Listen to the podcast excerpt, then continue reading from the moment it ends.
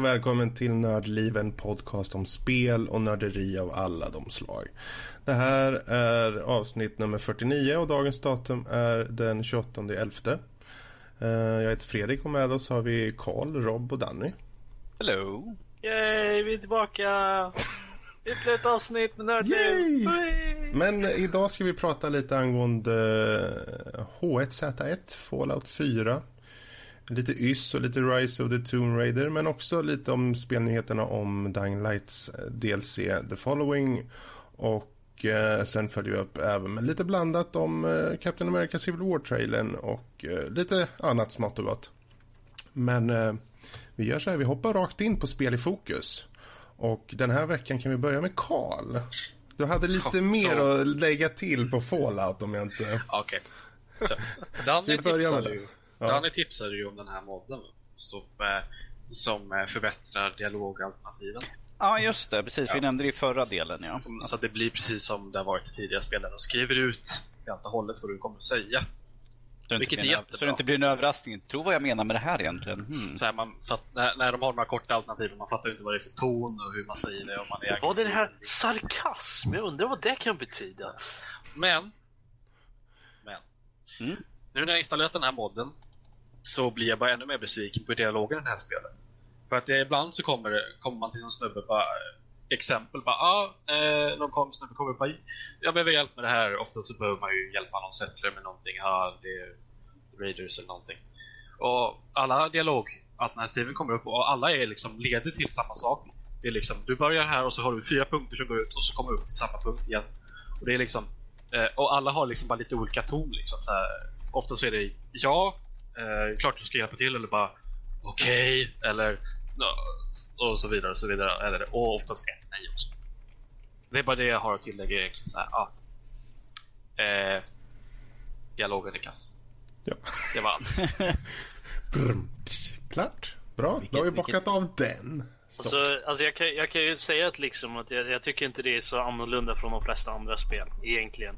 Uh, ja, men även om man går tillbaka och tittar på, på gamla på äldre RPGs och sådär där, där man hade hela dialoger allt sånt där ute så, så ofta så ledde ju de till samma sak för att, de, för att spelet ville ju att du ska göra det här. Du, du kan ju välja att göra det här sidequestet eller det här questet, ja eller nej. Sen hur du accepterar questet eller säger nej till questet är ju hur du definierar din karaktär så som du vill. Så jag tror inte att, att det är så mycket skillnad egentligen från hur det varit till de andra spelen egentligen.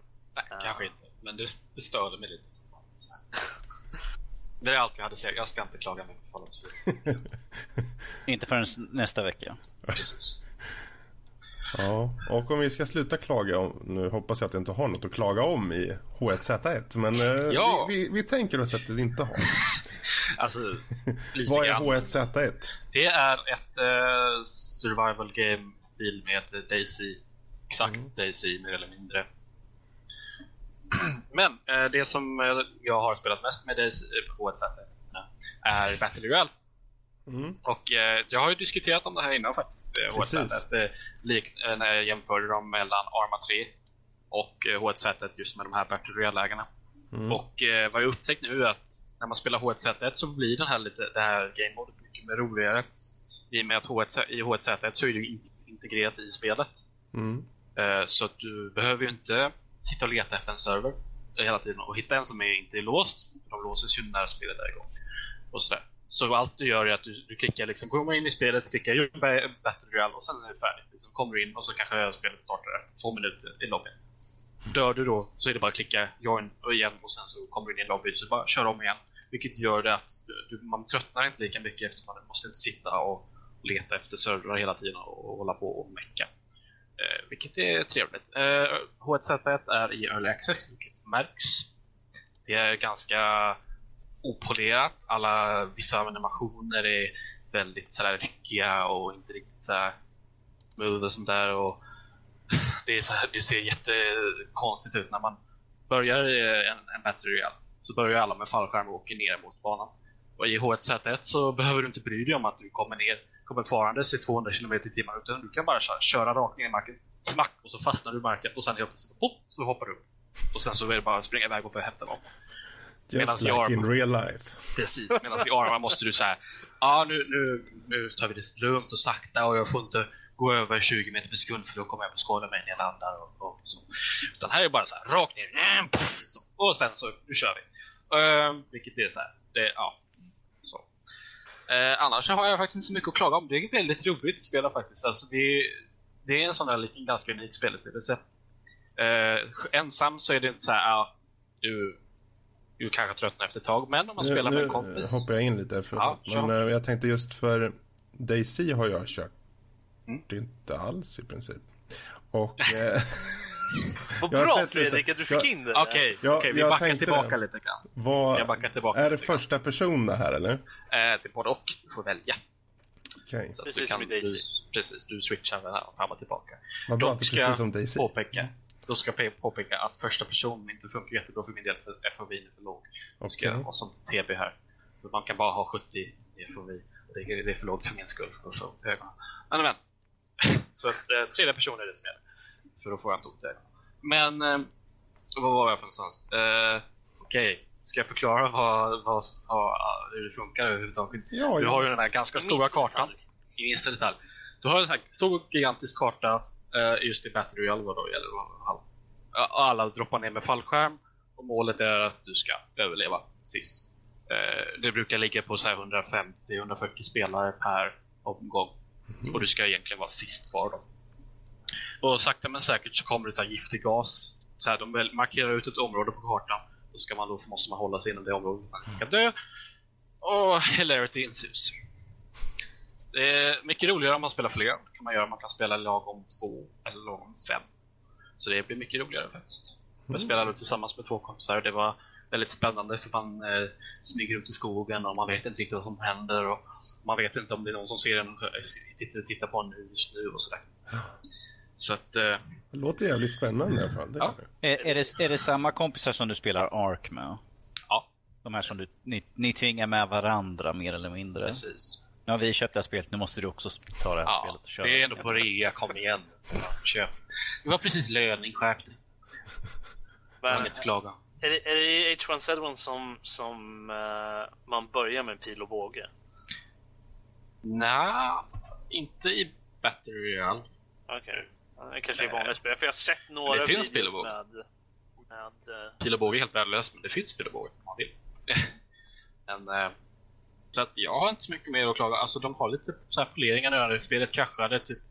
Jag har spelat eh, lite alltså bara VR för det mesta. Spelet har kraschat några gånger på loading screen. Så de, och sen så, så, det, som sagt, det är early access och de har lite grann de måste fixa. Liksom. Finns det något datum för när det kan tänkas vara i Ingen. Klar version? Det är bra fråga. Eh, Men de jobbar ju på det alltså hela tiden. Men eh, det ligger på Steam då och vad, på ett ungefär vad kostar det tror jag? Runt. Nu köpte jag det på, eh, på rea. Ja. Eh, kostar eh, 12,99 just nu, men jag vet inte om det är reapris. Jo, det är reapris. Det kostar 19,99 var. Mm, mm. Just nu är det rea och rean gäller så, första december. första december. Första Precis. Så tisdag. Vill jag Jag, säga. jag, jag har märkt något, eh, Karl med, han har alltid någonting att beklaga på. Jag väntade tills vi kom så här, bara, nu vill jag prata och beklaga lite om CSGO. Fy fan. Det finns jättemycket problem med CSGO, men vad ska jag ta upp? Det är ju världens bästa spel. Man har tagit över lite din roll som gnäll, eh, gnällburken i den här podden. Ja, jag, nu vet jag inte. En Jag yngre, känner att du inte har en roll längre. en, en yng, yngre talang och kommer ta över mitt, gebit här. Nu vet inte jag. Du får visa känner att mig du är mer den gnälligaste jag gamlingen i, i gruppen helt enkelt. Ja, jag har ju faktiskt varit negativ från första början, så jag vet Ja, fast, det, fast det, först, i början, först i början så satt du typ såhär, ursäkta, får, jag- Ja, men okej. Okay. det där, jag har faktiskt varit negativ sedan början. Så. bara, bara gå tillbaka och lyssna på alltså, tre eh, podcast. Ja. Oj, oj, oj, oj, oj, oj, oj, oj. oj. Men det var inte det vi skulle prata om. Nej, det var det. Men eh, H1Z1 är ganska roligt, men lite opolerat. Mm. Vidare. Vad kul. Men eh, då hoppar vi över till Rob med YS. Ja du, Fredrik. och resten av er också. Eh, jag uh, införskaffade nu under, eh, under Exploration Sale eller vad det nu heter. Som nu pågår till den 1 december på Steam. Um, då införskaffade jag YS 6, The Ark of Napishtim. Uh, vilket är Ja, det, det kompletterar ju min YS-samling nu. Ja. Jag, jag äger nu alla spel som går att äga eh, på engelska i alla fall. Eh, är jag ganska säker på att jag gör. Uh, och um, det här, jag spelade det här spelet för jättelänge sedan på min kära morbrors eh, uh, PSP. Uh, eh, men det har inte funnits till PC uh, förrän det kom ut till i april på Steam. Och jag menar, det, det följer lite samma veva som de andra YS-spelen. Uh, huvudpersonen Adol Kristin, han eh, d- dyker upp av en eller annan anledning på ett nytt ställe med ny magi, nya problem, eh, nya vapen. Om man mot förmodan inte vet vad YSS är för något så är det ett... Det, det, är alltså, det är ett action-RPG. Är det. Du, eh, det är real time battles. eh, Du springer runt, slår. eh, Det heter det. Ja, det heter real time battle. Ja. Eh, Du springer runt, slår button mashing mycket. Liksom. Eh, Slår med, med svärd. Kan hoppa i det här spelet. Wow. Eh, och eh, ja, nej, men det, jag tror det är. Jag tror det här var ett av de första nya spelen. Som Heter, det- heter det inte Active Battle? Nej, Active Time Battle, inte det är är turn-based? Vad med det? Ehm, Oh well. ja, nej men det är det här är alltså det nya. Det här, ja, det här kom 2003 så det var första nya eh, YS som kom då. eh, om man inte räknar med ettan och tvåan som kom precis innan som var remakes då. Men det här var, det är 3D eller 3D-karaktärer, 3D-miljöer så här. Det, det märks att du har några år på nacken men, eh, men det ser väldigt snyggt Okej, ut. så det här är alltså en slags remake eller vad, Nej, nej, nej. Det här var det första nya spelet som släpptes eh, eh, i den moderna eran så att säga av YS. För YS har ju funnits, jag, jag pratade ju om det för, för en miljon poddar sedan, pratade jag om YS eh, originalen som jag hade spelat då. Och Okej, de- men den här U6 re- kom ut nu alltså för första gången? Nej, det kom ut 2003 första gången. Okej. I- Men då var det bara japanska och sen så var det till Playstation eh, Portable PSP då. Okej. Eh, Men det är först nu i, i 2015, april, så kom det ut i PC, engelska varianten i alla fall. Eh, så att eh, det är en ny release av ett gammalt spel, så ska man väl säga. Så att, jag, jag, jag, det, det, som sagt, det följer väldigt mycket samma, samma metod som, som de andra spelen i serien. Uh, Adol han dyker upp på ett ställe. Eh, I det här fallet så eh, har han blivit skeppsbruten och eh, han lyckas överleva det flera gånger. Det är inte första gången han har blivit skeppsbruten och, och liksom washed up on shore. Och så hittas han av en, av, en vacker tjej och så ja. Men, han, men eh, det är lite, jag, jag är inte så jättelångt in i spelet nu. Jag, jag kommer inte, jag måste säga att jag faktiskt inte kommer ihåg så jättemycket av, eh, av när jag spelade det första gången. Så det, det är väldigt intressant att, att, komma in i det igen. Men det, ehm, det är, det är ganska typiskt eh, om inte annat. Du springer runt, du, du kan eh, du kan slå och du kan hoppa och du kan slå medan du hoppar. Eh, Mm. Du har lite, när man senare får, man får svärd senare som man kan uppgradera. Man kan uh, temper kallas det. Man behöver någonting som, några special kristaller som mobs uh, droppar när man slåss mot dem. uh, för att tempra sitt svärd och då får man specialattacker med svärdet som man, kan ut, som man kan utöva när man har fyllt upp en mätare genom att spöa monster. och jag menar, kartan är ganska stor. Det, det är ganska öppet vart du kan gå eh, till att börja med. När du väl, så fort du kommer ut från första, från första stället, då, en liten by, liksom, så, här, så kan du egentligen springa runt och göra vad du vill eh, inom det området som du är. Sen finns det vissa ställen som du inte borde gå till för att du inte är tillräckligt hög level så att du kan inte spöa de monstren än. eh, och lite sånt. Men eh, eh när man väl kommer ut liksom så, här, så är det väldigt öppet. Du kan springa fram och tillbaka. Alltså det, är- det är side-scrolling ungefär fast på en 3D-nivå. Liksom, så du, du går ju fram och tillbaka men du ser liksom från det här hållet hela tiden. Ehm, så att det är lite uppifrån sidovy. Så här. Isometrisk. Ja, precis. Eh, Så det, det, det är... Storyn är... Man, den är okej liksom. Det, det, du sakta men säkert kommer in i den och så. Det, uh, man träffar lite en karaktär från tidigare spel, från första spelet. Uh, förklarar lite varför vissa andra saker inte är med och vad som händer. Och Adol han är ju goody two shoes, springer och ska hjälpa alla. Uh, som vanligt. Uh, men alltså spelen har en viss charm. Jag vet inte, det är svårt att förklara riktigt, men de har en viss, uh, lite den här spirit of adventure, lite den, den, den typen av, av eh, av charm som jag gillar i, i de spelen. Det är därför jag, det är en, en av anledningarna till att jag verkligen tycker om just spelen och vad som sätter dem åsido från, från många andra såna här typer av spel. Är att det är en story i bakgrunden så här, och, man, och den är rätt okej okay, liksom, story. Och, men man känns så liksom, man drivs inte riktigt av storyn, man drivs av att vilja veta liksom mer om vad som händer och, och träffa nya grejer och, och liksom sånt där. Så det, mm det, det, är alltid roligt att springa runt och, och spöa monster och sånt där. Och, eh, nog för att det är lite frustrerande för du, du kan bara savea i såna här, eh, vad är de, totems eller något sånt där som, som står lite varstans. Och eh, där kan man savea och hila. Och dör man eh, så måste man gå tillbaka till den eh, där man saveade. Så att eh,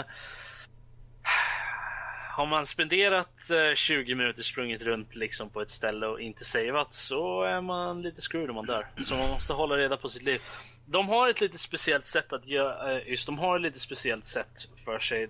Speciellt hur de hanterar bossfighter. För du har ju alltså ett inventory där du samlar på dig grejer. Mobs droppar ju healing items och, och lite sånt där så du kan plocka på dig och de ger eh, regenerar ju olika mycket health. Uh, och du kan sätta en sån på din hotbar så att, du, så att du alltid kan fylla på ditt liv. Däremot, och du kan alltid gå in i ditt inventory och byta vapen. Och du kan även byta vapen, när man får flera vapen så kan man byta det med en enkel knapptryckning bara. Du behöver inte gå in i inventory för att byta dem. För det, är en stor, det har alltid varit en stor del av YS-spelen är att du ofta har du flera olika svärd som du kan, eller vapen som du kan byta mellan. Eh, och det brukar oftast vara tre, fyra stycken som du kan cykla mellan och, och, som har lite olika properties och attacker och sånt där som du behöver för olika, uh, olika moment. Um, men just när det kommer till bossfights så är du Du blir alltså instängd på ett område och slåss mot bossen. Och bossarna är lite typiska, du måste hitta deras svaghet liksom och så ska du eh, exploatera den och så spöar du bossen. Men du kan inte komma åt ditt inventory eller menyn under den tiden som du slåss mot bossen. Kul. Så att du kan inte, har du valt ett healing item som jag, jag höll på med en boss i säkert två timmar satt jag med den här tidigare idag. Jag hade valt, från början så hade jag valt helt fel healing item. Jag hade ett healing item som gav mig 20 HP istället när jag var eh, tillräckligt hög level för att behöva någonting som var lite mer. Uh, så jag fick ju totalt stryk och sen visade det sig att jag var lite för låg level också så jag, jag gav bara typ så här två jag skadade bara bossen med 2-3 eh, HP varje skada varje gång jag slog på den. Det var, så här, lite på stort ja, men det var en sån flygande boss liksom som flög runt liksom så man, man var ju tvungen att hoppa och slå den hela hoppa tiden. Hoppa och slå. Ja. ja. Så, att, så att det var... Och du tar ja. 2 och 3 i HP? Där. Ja, precis. Så att det är ja. det när, när du dör i en bossfight då hamnar du inte tillbaka på den här save pointen utan du börjar om bossfighten. Gör du. Vilket är ganska smidigt, tycker jag. Jag gillar det med i spelen. Att det, det, liksom, du börjar om bossfighten för att ofta, man vill inte, för oftast är det ju någon form av dialog och sånt där, en liten cutscene liksom innan en bossfight. Så att, eh, att de bara börjar om bossfighten direkt istället för att man ska behöva gå tillbaka och gå igenom allting igen är väldigt smidigt. Mm. Uh, men eh, det är inte så smidigt när du bara har retry eller go to main menu istället för load game. Uh, så att jag kan inte ladda min save tidigare om jag vill gå ur bossfighten. Då måste jag gå tillbaka till min meny. Nu måste jag säga att uh, jag kör spelet på högsta. Uh, det är ju som sagt ett, uh, vad ett tio år gammalt spel eller mer. så att det är ju inte det, är inte det mest intensiva när det kommer till hårdvarukrav. Men jag kör det på max, allting ser bra ut och sådär. Det flyter på. Något som jag kommer ihåg från när jag spelade PSP-varianten var att det, var, det, det, tog en stund att ladda de olika areas. För att du, du har ju ett visst ställe du kan springa liksom inom. Och sen går du till nästa bit. Om du, så, här, så att så att det är ju alltså flera olika kartor som du går igenom och laddningssekvensen däremellan var relativt lång oftast. Alltså det var ju alltså en 10 sekunder eller mer i alla fall. Och det är ganska långt när, man, när det är ett så actionorienterat spel där, man ska, du, där du ofta springer fram och tillbaka mellan olika ställen. Inget sånt summerar här... upp lite nu. Inget sånt här. Det, det, är instantaneous liksom. Allting är bra. Uh, jag måste säga, det är totalt värt att köra. Uh, jag uh, är inte riktigt säker på om det är någonting som kommer dra in folk som aldrig har spelat YS tidigare. Men eftersom man egentligen inte behöver spela de andra spelen tidigare Uh, för att förstå något av YS-spelen. För då, alla YS-spelen är en self-contained story. Det är bara huvudkaraktären som mm. går från spel till spel i stort sett. Så att det är värt, värt att spela definitivt. Kan ni lägga ner, jag tror att uh, det kostar 539 Eh, euro på, på Steam just nu. Uh, så det är nedmarkerat med 70 Mm. Uh, det gäller att passa och, på nu i så fall faktiskt. Ja, och de andra spelen är likadant nedmarkerade på, på Steam också. Så mm. att, helt värt att plocka upp om man gillar action RPGs. Så att, yes. Yes, men bra. Men då har vi egentligen bara Rise of the Tomb Raider lite snabbt att gå igenom då. eller snabbt och snabbt. Jag har införskaffat det här i veckan och lagt ner hittills 24 timmar på det. Eh, så det är ju ett tecken i sig. Eh, det här fortsätter ju på Tomb Raider, den här rebooten som kom för två år sedan. Uh, Rise of the Tomb Raider som nu kommer. Där du då tar an Lara Croft igen.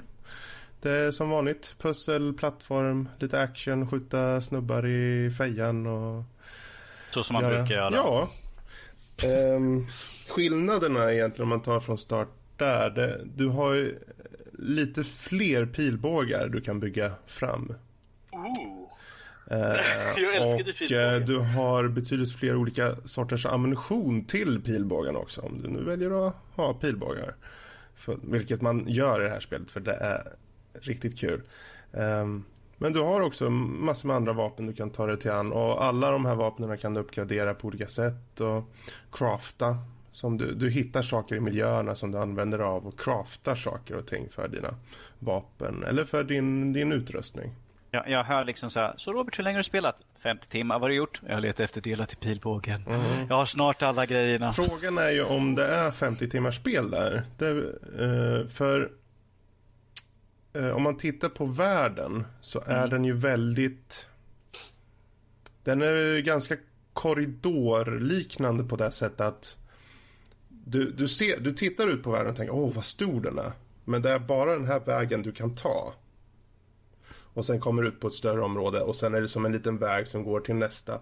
Så det är hela tiden, det, det är inte som att som att du har en, en open Det är inte en fri, fri öppen värld. Men det är så i förra spelet också. Utan det var precis. liksom från område till område. Och, det var inte att du kunde gå hur du ville till de olika områdena. Nej, precis. Och um, det, det, kan man väl tycka vad man vill om. Men det passar det här spelet. Det, de har ju satt ut en bra balans för du ska ju hitta objekt gärna så här. Om man gillar att leta upp objekt liksom eh, collectibles eller något sånt där. Det är inte så mycket collectibles, det är mer som att det är saker som tillför till storyn.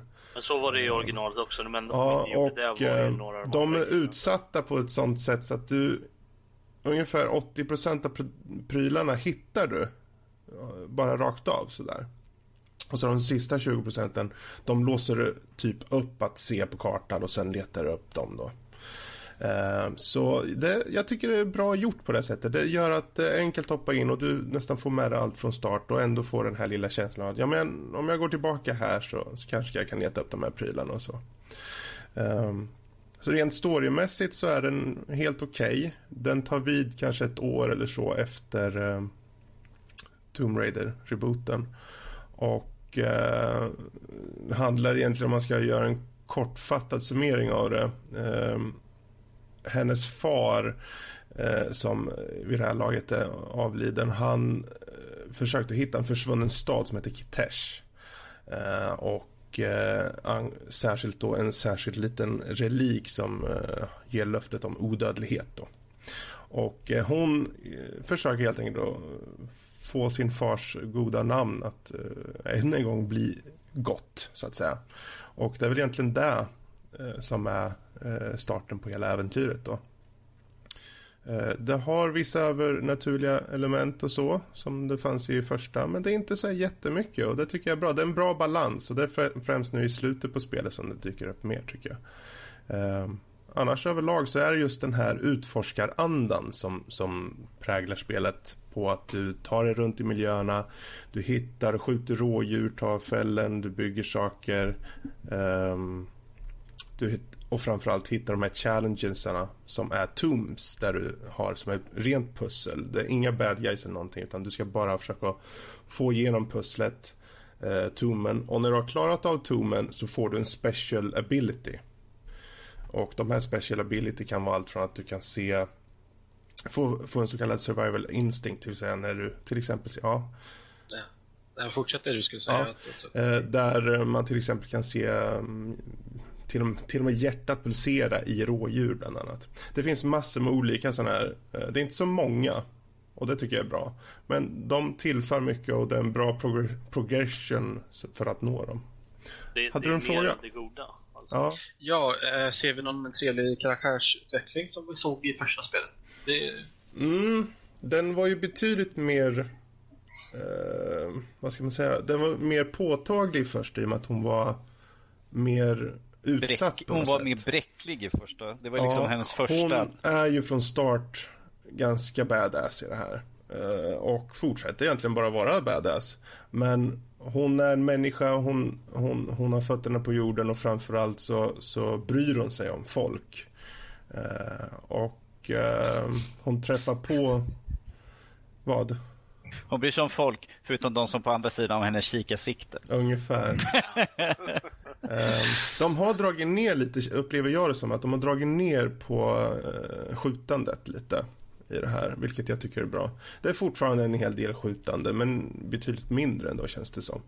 Uh, och uh, ja, om man ska se lite på, om man ska summera just punkt, punkt, vad som är kanske bra, vad som är dåligt. Grafiken i sig, för, för i det här fallet är det Xbox One. Jag tycker den ser riktigt bra ut faktiskt.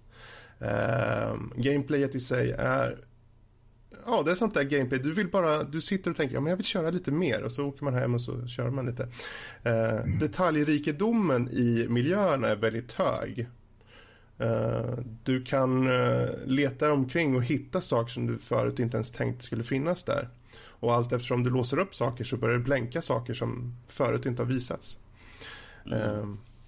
och sen just den här med att balansen gameplay och, nu är inte det här open world, men just den här känslan av open world som att du, du ser hela världen och du, du, du tror dig själv kunna ta dig an den. den I vissa open world så blir det så övermäktigt.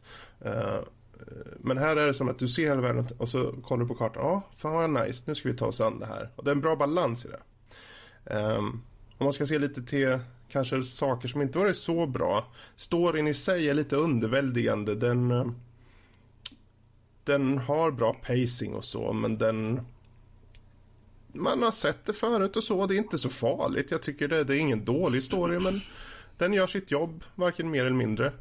Eh, banorna som sagt kan kännas snitslade, som, som att du nästan blir pushad att gå den vägen du vill ibland sådär. Men vad, vad, ska, vad ska man göra liksom? Eh, och sen det som jag märkte att det har varit prestandaproblem i spelet. Eh, den, har vis, den har haft konstiga framerates. På Xbox? Ja, särskilt i cutscenes. Uh, vilket inte är så konstigt, det är mer detaljerat i ansikten och så, men uh, det är bara en detalj jag tänkt på då. Och det, visst, det var det väldigt lite, men någon gång också i själva gameplayet då. Uh, men det, det, här är ju väldigt små saker att, att, att, se ner på. Jag ser det här som en av de bästa spelen i år. och Ja, jag kan inte göra något annat än rekommendera det här spelet. Uh, um, vad, jag, jag, har en fråga. Mm -hmm. uh, hur känner du i replay value för spelet? Skulle du spela om det när du Det är ju svårt att säga faktiskt. Uh, I nuläget skulle jag säga att det inte har någon replay value. Uh, precis som första, fast det här är en fråga hur man är också som spelare. För jag, när jag körde första Tomb Raider, eller ja, rebooten då. Mm. Uh, jag hade hela tiden så här suget efter att jag vill gå tillbaka till spelet. Men när jag väl satt, när jag tog mig an det igen efter jag var klar med det. Så kände ah, jag, ja, det, det är kul gameplay men i och med att det var så snisslade banor så kändes det så eh, cramped på något sätt. Så jag tog mig aldrig an det och det känns lite så här igen. Eh, jag tror att man kan få, som jag gör nu, så att jag, jag avvaktar lite med, med storyn. Jag tar mig an ban banorna, går tillbaka eh, längre bak och tar mig an tidigare pussel som jag inte då kunde ta mig an. Och i och med att de inte är så här fasligt många, vi snackar inte tusen, vi snackar inte fallout, vi snackar så att man kan räkna på kanske en hand liksom hur många saker som hittas. Så känns det väldigt enkelt att gå tillbaka och snabbt och sen bara ta nästa steg i storyn och sen gå tillbaka igen. Det låter ju väldigt mycket som första spelet faktiskt. Mm. Uh, men det, jag, jag, tänker bara för, för jag har spelat om Tomb Raider tre gånger tror jag. Mm. Uh, uh, sen, sen jag spelade första gången. Uh, och då är, det, då är det varje gång jag har 100% av spelet igen tagit alla items och där. För att, jag vet inte, det, det är någonting med spelet som som bara får en att vilja köra det igen på något sätt. Även fast man vet hur det är. Precis. Riktigt, så det, är bara, det, det, är så trevligt att bara sitta och det spela. Där suget, det där ja. suget som jag hade i Tomb Raider. Det där med att fan, jag skulle vilja köra för jag tycker gameplay är så jävla kul. Här pilbågen. Den finns på en gång från start. Ja. Och eh, det är bara bättre. Så ja, ja om, om vi säger så här, om du körde igenom förra spelet tre gånger så kanske du kör igenom det här fem gånger då. Om vi säger så. vi får, vi får, vi får se, se, om jag kan införskaffa det snarast. Uh, Se ifall, se ifall du varit tillräckligt snäll se vad tomten stoppar i din strumpa. ja, men det, det är ett det snyggt spel och det är kul att spela framförallt. Och det är väl det. det. Det är mer fokus på gameplay än på story känns det som. Även om så... storyn har sin plats och den är cinematisk så är det lite mer fokus på gameplay och det är bra. Alltså jag, måste, jag måste faktiskt säga att jag, jag tror, tycker inte storyn var så där jättestor i, i första spelet heller. Det, jag tror det bara kändes som det för att, eh, för att um, för att är det inte en fråga om hur de, Det var väl just det här, just det precis, hur hon eh, utvecklades och framförallt ja. eh, liksom hur de rent cinematografiskt, säger man så? Alltså hur, hur de gjorde rent eh, kameramässigt och så, att det kändes lite mer filmiskt. Som för, för, jag, för jag menar, storyn i första spelet var du är fast på en ö, det är massa knäppskallar där, ta det därifrån. Mm. Och ja. den här Yamatai och allt det här. Precis. Ja, alltså det, det, var, det var ju mycket som pågick, men själva basstoryn var ju precis som Danny säger. Men, det känd, men i första spelet har ju det här momentet, liksom som du säger, att det är ju hennes utveckling som är nästan som en sekundär story i, i, i själva spelet som gör att det känns som det är mer än vad det egentligen är. Mm. Bara för att det, det är så mycket karaktärsutveckling under spelets gång. Jag, jag, jag, kan, jag kan sammanfatta utvecklingen i början, du gråter massa. Till slut, du skjuter allt som rör på sig. Och känner inga skuldkänslor alls. Det gör hon inte rör, rör du på det? När hon tar du, en pilspets okay. och kör upp i näsan på en kille. Liksom. Precis. Och sen i nästa så, stund så, så, pratar de om att hjälpa ett folk som, som har problem, liksom, som bor i trakten här. Och andra stunden så springer de fram och bara trycker upp en pil i röven på någon. Liksom, där. Fast, fast Lara Croft har ju alltid varit väldigt... Uh, hon är lite så här... Jag vill inte säga modisk, men, eh, men på något sätt har hon varit väldigt våldsam och väldigt, väldigt snabb till att liksom ta död på folk. Mm.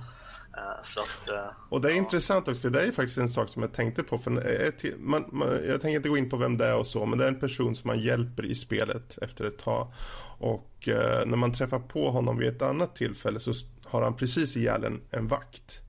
Eller någon form av elaking då. Han tar en kniv och kör in i den och skär upp den och sen så ramlar han ihop död. Och där kommer vi fram med Lara Croft och så, åh, hur står det till? Hur, hur är det? Ska vi, vi måste gå och rädda ditt folk nu. Ja, det här med död, det är dåliga grejer, säger han.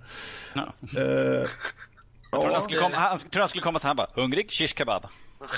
och det, det, är lite så här, det är lite två eh, delade saker här. Lite mm, precis, det ja. blir eh, ludonarrativ dissonans. Precis, wow. Ja, vi, tar, det har vi tagit upp förut. Ja. Mm. Vi, får ju se vad, vad jag tycker om spelen när yes. jag väl får tag på det. Så att, uh... Summa summarum, mer av det goda eller? Ja, punkt slut. Gillar man originalet gillar man den här. Absolut. Om man inte gillar originalet så kanske man inte gillar det här då. Hur, jag måste bara fråga Fredrik, hade de, hur var det? Jag kommer inte ihåg. Hade de plockat bort multiplayern på det här spelet eller? eller hade de fanns det multiplayer på första eller? Mm -hmm. Ja, det fanns det. det, fanns det.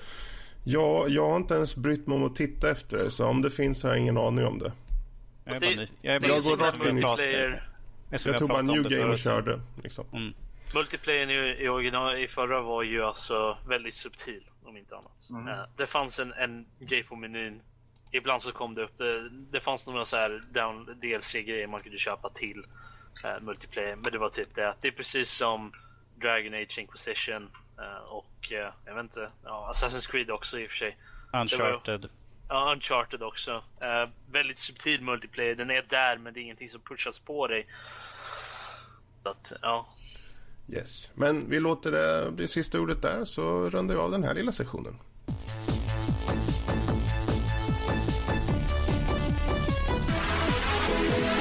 Vilket för oss in i spelnyheter.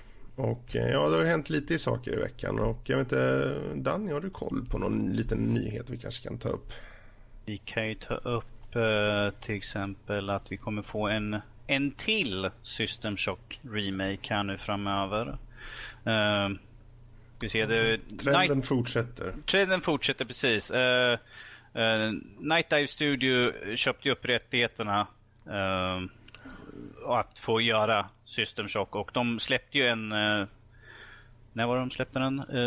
Ja, det var inte så länge sedan. Det var inte så länge sedan. En som heter System, System Shock Enhanced Edition. Nu har de redan bekräftat att de ska göra en, en till remake. Mm. Så är det frågan om det är en remake på originalet eller en remake på remaken. Det känns väl väldigt onödigt att göra en remake på remaken. Det känns som att om de ska göra något så, ja, så men, jag, men, jag, jag menar, som, jag, som jag sa här in, innan, vi pra, innan vi började, att vi hade ju som till exempel Resident Evil där de gjorde en remake på remaken.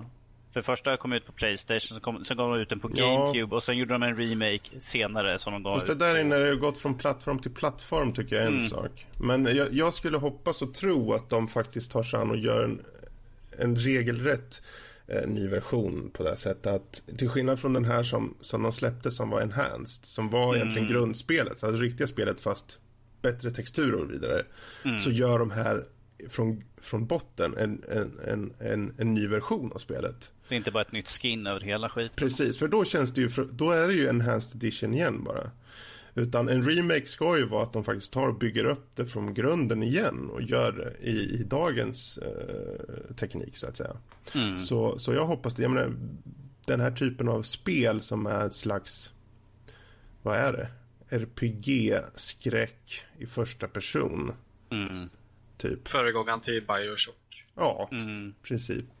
Jag, jag, är, bara, jag är bara nyfiken när vi får en som är nu i, i ny grafik och allt sånt där ifall man, ifall man kommer känna igen sig. För jag vet ju om man har spelat andra spel som de har släppt sådana här. Man bara det är inte riktigt så som jag kommer ihåg. Det, blir, det är lite, det är grann, nostal det är lite grann nostal nostalgin spelar in. Man det, bara, ja. det är lite en rose tinted här, ja. Vissa grejer med de här gamla spelen är ju bara lite jobbiga att behöva hantera. Så här. Får jag, får jag köra rose tinted eh, lenses istället? Så jag, bara, ja, jag, jag, Nej. jag vill minnas att Eh, gräns, så här, användargränssnittet på System Shock 1 var ganska jobbigt. Ja. ja. Eh, alltså jag, jag skulle ju hellre egentligen, egentligen skulle jag vilja se en remake på tvåan. Mm. Uh, det var det. Kan vi inte få se, på, båda, kan vi inte få se på båda? Jag menar som gör ja, nu. Så varför inte? Och ifall den går bra så kommer så kommer vi garanterat att se en tvåa i så fall. Alltså de, de satte ju någonstans eh, en, lite av en, um, en regel på hur hur de här cyber... Uh, vad, vad, kallas genren liksom? Uh, cyberpunk. cyberpunk uh, skräckspel. hur de ska göras i princip. Och sen har de ju tagit med sig just det här till vi vidare Bioshock och så vidare. även om det här System Shock hade betydligt mer skräck i sig upplevde jag det som. Och, och lite mer av en klaustrofobisk känsla. Också, precis. Men ja, alltså för all del. Det är ju som med hela den här trenden med remakes. Att så länge det görs bra så kör det vind bara. Mm. Men som sagt, eh, som, vi hade ju som sagt den här enhanced edition. Och eh, personligen tycker jag det var inte så mycket att hänga i gran med, med, med lite grann förbättrat. Ja, alltså det, för det, det var, fördelen det så, där som man måste av... förstå är ju att den kommer till vår PC. Det kommer till de här operativsystemen vi har idag som funkar. Det gjorde det inte mm. förut. Det är mm. därför man köper den. Du köper ju inte den för att de har piffat till texturerna lite grann. Det är därför man ville ha en remake till Grim Fandango. För att Grim originalet funkar ju inte på moderna mm, precis. Så det var ju jättebra att den kom och så. det behövdes. Och jag tror GOG sålde en hel drös av dem. Så. Mm. Ja, en, en hel drös. Några stycken. Två, tre kopior eller något sånt där. En handfull sådär folk kommer vilja ha. Här, varsågod. Mm, mm. Varför ja. inte? Nej men det, det är kul. Det är kul. Mm. Vad har vi mer för nyheter? Vi har lite Playstation här nu i som jag sa precis innan att, jag, äh, att vi har lite grann att Playstation följer Xbox uh, utvecklingar. För vi hade ju ganska nyligen att uh, Playstation gick ut också så att de skulle ha bakåtkompatibilitet på Playstation. Och nu kommer de med samma veva att man ska kunna spela Playstation via Remote Play på PC och Mac mm. här nu. De det känns, ju... det känns lite grann som, precis som de går i samma spår där. Liksom. De gjorde det, ja men det måste vi också göra. Var det tre dagar sedan eller en vecka sedan så vart de ju, det vart ju eh, uppvisat hur någon hade hackat Remote Play och mm. körde det på sin PC. Så jag tror inte bara att det, det är klart att det är ett, ett svar på eh, Microsoft men också det att det har redan hänt. Det, har redan, det finns redan ute kod på just hur man kommer åt det här. Så jag tror att hade de inte tagit i tur med det så skulle det bara blivit värre. Mm. Um, så det, det, är bra att de nu faktiskt uh, officiellt säger att de kommer att de arbetar på en, en uh, ett program för det då, för PC och Mac. Alltså um, det, det, känns ju lite som, P, som att Playstation nu att Sony de, de får det är de som, uh, som går efter Xbox nu. Mm. Förut så var ju Playstation var ju efter vad blir det? Det var E3 för vad, två år sedan nu? När, när de annonsades. Ja, precis. Då, eh, sen dess har ju typ PC eller Playstation, de har ju varit så långt före Xbox på grund av att Xbox var ju tvungen att omdesigna mycket av, av mm. eh, eh hela eh, Xbox One grejen. Men eh, sen dess så har ju Xbox, de har ju verkligen dragit ifrån eh, genom att slänga in ny grej efter ny grej eh, och sådär. Så att eh, jag tror att det är möjligt att kanske Playstation att de varit lite, vad ska man säga, complacent i att de, åh, vi har vunnit nu, titta. Uh, vi behöver inte oroa oss liksom. Så att, uh, och sen så insåg de, shit, vi måste kanske göra lite fler grejer. För Xbox ja, och jag menar det här är ju jättebra för oss äh, konsumenter på det sättet. Jag menar ju fort Microsoft gör något nu så kommer det liksom tas under luppen om, av Sony och se är det någonting vi behöver. Och sen ser de såklart på också respons. Jag menar responsen på bakåtkompatibiliteten blev ju stor och sen så, så nekade Sony att det skulle komma något liknande och sen så har det släppts de här tre eh, Star Wars-spelen då som, som var av äldre version men de funkar mm. ändå. Så allt det här är ju jättebra. Jag menar, nu om det här Remote Play kommer så blir det streaming också för Playstation.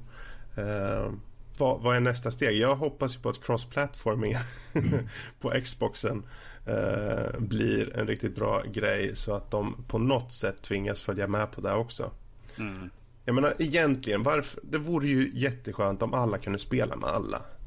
Sen att alla PC-spelare spöar skiten ur uh, konsolspelarna på multiplayer, det är ju en annan femma. Om vi inte snackar Halo. men alltså, åtminstone Xbox och Playstation cross-platform så att mm. alla multiplayer-spel inte får delade grupper med spelare. Precis. Så att du får en större publik liksom. Ja. Det är ju bara bra. Jag menar, slutpoängen är att alla är ju gamers ändå, så det vore ju kul att samla upp dem. Så vi får det, det, se. Det, men... det, kommer inte längre vara lag röd och lag blå, det kommer vara lag Playstation och lag Xbox. Det är väl samma sak, är det inte? Det är bara, det är bara att det är, det är lag, vad blir det? Grönt och lag blått tror jag det blir. Mm. Ett, ett, ett, Ska den komma ut liksom så ah, Playstation är bättre på det här spelet, yeah! Kommer Xbox bara, vi är bättre på det här. Alltså, jag skulle jag, jag tycker sånt där är lite löjligt, men äh, vi har ju diskuterat sånt förut, men jag känner att det vore bättre om alla bara kunde komma tillsammans. Men det är ju skillnad mm. på folk och folk och så kommer det väl alltid vara. Jag tror att det, just det här remote playen nu, det är ett bra steg. De behöver ju följa uh, det som händer och uh, för varje gång Sony eller Microsoft gör någonting så kommer den andra liksom kolla på det. Mm. Och särskilt nu när Microsoft har den egentligen hållhaken med att de faktiskt har Windows också. De har ju, det, man, man, ska inte snegla på Windows och tro att ja, det där är bara för dem där borta. För PC-spelare så. Nu blir det faktiskt Xbox och Windows till slut, förhoppningsvis. Som blir mer kombinerat. Och eh, där tror jag definitivt kommer ge effekt på Sony. Det är alltid hoppas ju. Ja, absolut. Ja, kan vi inte bara få en grej? En playbox. Ja, precis. Yes. Ja, ja, ja, ja. men eh, det, det, blir intressant att följa just det där. Nu, nu är ju inte det här någonting som är satt i någon tidsram eller någonting, men uh, Nej, det är bara utannonserat att de håller på att arbeta med den. De, utan, de utannonserade igår, gick de ut och sa att, att, vi, har, att vi har en app på G. Så mm. men att det finns ingenting mer. Så det kommer vi få se troligtvis mer till vårkanten. I så fall kommer de komma ut lite mer. Ja. När de har testat lite grann. Precis. Hur det går. Vad kul, men uh, nästa nyhet då? Nästa nyhet. Den sista lilla nyheten. Den sista lilla nyheten. Det handlar lite grann om Dying Lights uh, eh, eh, DLC The Following. Uh, som de har gått ut nu och sagt att Eh, vi har jobbat jättehårt och vi har gjort det jättestort. Så stort att vi kommer vara nödda att höja prispengen på det hela. Vilket jag, för mig tycker jag känns lite grann Okej. Okay. Eh, det var därför jag också skrev upp den här nyheten inför eh, vecka, veckan här, veckans podcast. För att jag vill höra lite grann hur ni andra anser att uh, ifall man redan satt ett pris så där, är det, hur, hur mycket måste man lägga till till en DLC för att uh, det ska kännas så här, liksom, okej okay att man höjer priset på det. Alltså, inte, nu har de inte bara höjt priset på själva DLC utan på Season Pass också har de höjt. Mm. Uh, season Passet innehåller DLC. Jo, jo, jag vet, men att det är för att de höjer på det här. Men det är, det är liksom mer så att eh, är det okej okay att höja eller ska de hålla samma pris? För de tycker att ja, vi har så mycket. Plus att det är ju så stort att folk säger varför inte bara kalla det för en expansion helt enkelt. Men det är det de gör. Um, det, det benämns ju som en expansion nu snarare än DLC. Mm. Har jag hört. Så att, uh, från vad jag såg i alla fall så, så uh, är det ju en expansion nu snarare än DLC. Mm. Så att, uh, Uh, och jag kan ju förstå det. De har ju redan sagt från början att det skulle vara att kartan skulle vara lika stor som de andra. Mm. Uh, som den som var originalspelet liksom. Det är till och med uh, större. Så. Ja, större än. Jag tror de var större än båda de existerande kartor tillsammans. Som fanns. Så att, mm. Så att det, redan där så har de ju lagt ner väldigt mycket bara på det. Så det, bara på den, den liksom grejen känner jag att det är stö- då är det ju en expansion snarare än en DLC. Vad nu den skillnaden är nu för tiden är inte så jätteklar. Men, men jag, jag är okej okay med det. Känner jag. Helt, för har de lagt ner, är det så mycket content i den att de känner att de är berättigade till att höja priset? Vilket... frågan är ju hur mycket är det i så fall? För ifall de skulle ha släppt det som det var och hade samma pris eh, så hade folk inte brytt sig. Men nu när folk höjer priset då, då, blir jag med, då är jag mest att hur mycket är det vi får extra för de här eh, Eh, I, I, USA så ökar den från 15 dollar till 20 dollar den här DLCn, eller expansion vad vi fan vill kalla den för. Mm. Och Season Pass gick upp från 20 dollar till 30 dollar. Men då är det liksom hur mycket ska man räkna att de ska slänga in i en sån här för att det ska vara berättigat att du höjer priset på den? Men kan man, kan man liksom sä säga det så mycket mer ska det vara? Det, det kan ju också Nej, vara alltså, ibland jag, jag, jag, menar, jag menar, om arbetet de gör också. Ja, jo, jag vet, men att eh, jag, jag, är mest nyfiken på vad ni tycker berättigar en prishöjning på en DLC som de redan har satt ett pris på. Ja. Det är en sån sak som är så svår att mäta i och med att vi inte utvecklarna. Alltså, anledningen till att de höjer priset är nog för att de känner att de måste täcka utvecklingskostnaderna. Mm. Liksom. Två, bara... två, saker där känner jag eh, eh, gör att det här är väldigt svårt. Dels det du säger Karl, liksom att det, utvecklarna liksom de har ju lagt ner väldigt mycket resurser så de känner ju berättigat. Vi vet ju inte hur mycket de har lagt ner. Vi har ingen aning. Och dels så vet vi inte hur stort det är. Vi har absolut ingen aning. De har sagt att kartan är större än den som redan fanns. Och de har lagt, lagt in jättemycket grejer, men vi har inga detaljer har vi inte. Mm. Så vi vet inte. Så det, det, är två saker som jag, jag känner gör att det är väldigt svårt att, att svara på om det, om det är berättigat eller inte. Eller om det finns någon... För det finns ju ingen magisk procentalnummer liksom. Det är inte ja, 15% mer eh, än vad originalt var planerat. Ja, men då kan vi höja ytterligare 5 dollar liksom.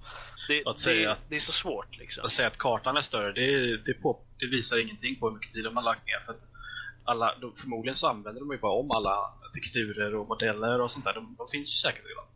För, för, för, jag, för, jag, menar, om jag hade gjort det här och så liksom tyckte att, ja men vad stort det är. Hur kan jag få ut mer pengar på det här spelet? Jag säger att, vi har, att jag har gjort så mycket mer. Ingen vet ju hur mycket jag har gjort egentligen. Jag säger bara att vi har gjort så mycket mer nu att vi kan höja priset och säga liksom att, det, att det är liksom helt okej. Okay.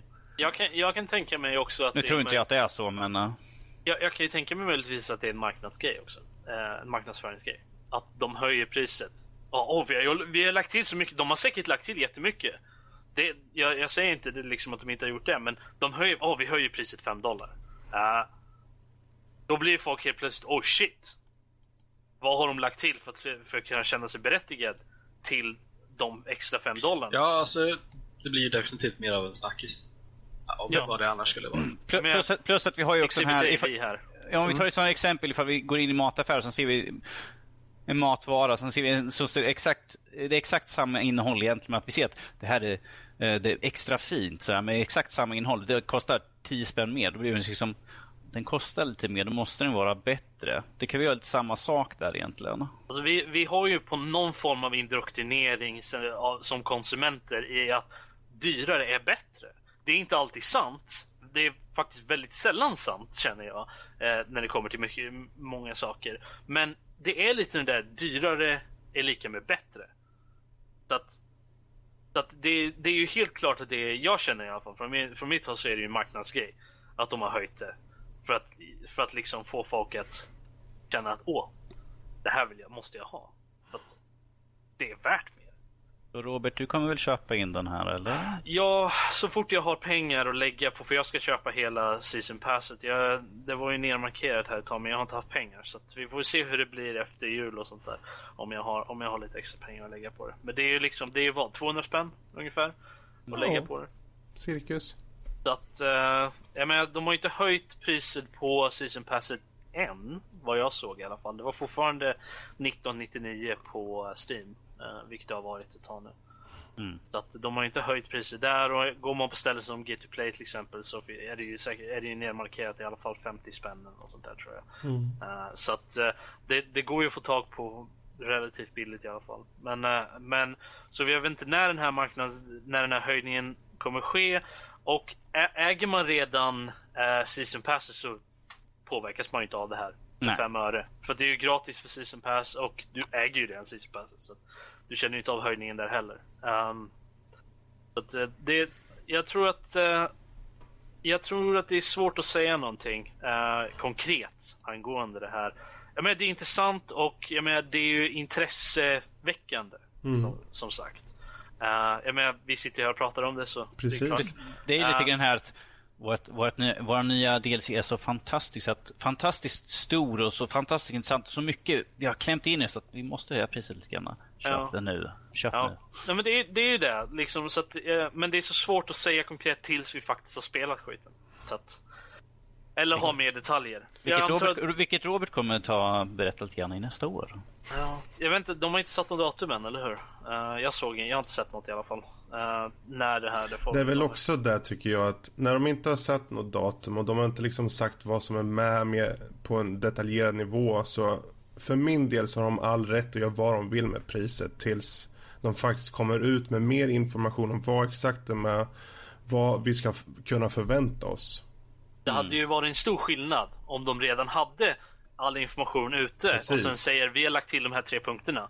Exakt. Och, och, och höjt priset med, med 5 dollar. Liksom. För nu, Då... nu, nu spelar det ingen roll tycker jag. För nu har de all rätt. Kör hårt bara. Jag menar, mm. Whatever. Jag menar folk köper, folk bestämmer med sina plånböcker också på den sättet. Så det, Ja, ja det, det, det kommer ju sälja. Det är inte, folk kommer ju inte bojkotta det bara för att det är 5 dollar. Liksom. Folk som vill ha det kommer ju köpa det. Exakt. Det, det, det, det, var ju ingenting som var liksom i själva frågan. Jag var bara mest nyfiken vad ni andra ansåg att vad, vad berättigar en, en prishöjning sådär. Alltså jag känner, om man, om man säger så här. Eh, jag, jag håller med Fredrik där. Att eh, så länge de inte har gått ut med detaljer så har de, har de ju faktiskt all rätt att göra vad de vill. Det är ju deras grej. De sätter ju, de sätter ju pengar på vad de... Eh, de sätter ju priset vad de anser att de har lagt ner i, i resurser och allt sånt där. Så att, och så länge vi inte har en lista så kan ju inte vi komma och säga ja eller nej till den. Utan vi kan ju bara acceptera att jo, men det är okej. Okay. Vi, vi, ja. Det är så det är. Uh, så att jag känner att så länge de inte så länge de inte har gått ut med någonting så så kan vi inte säga något. Däremot har de som sagt har de gått ut med och sagt vi ska göra de här grejerna, det här ska vara med i spelet och så lägger de till tre grejer som inte är så jättenämnvärda och höjer priset. Det känner jag inte är berättigat då. Uh, men att, uh, ja. Ja, jag tror vi, vi, går igenom nu vad jag sagt här redan tidigare, men det, det är ett intressant, det är en intressant snackis ändå. Men um, vi tar och rundar av på nyheterna där och uh, går vidare.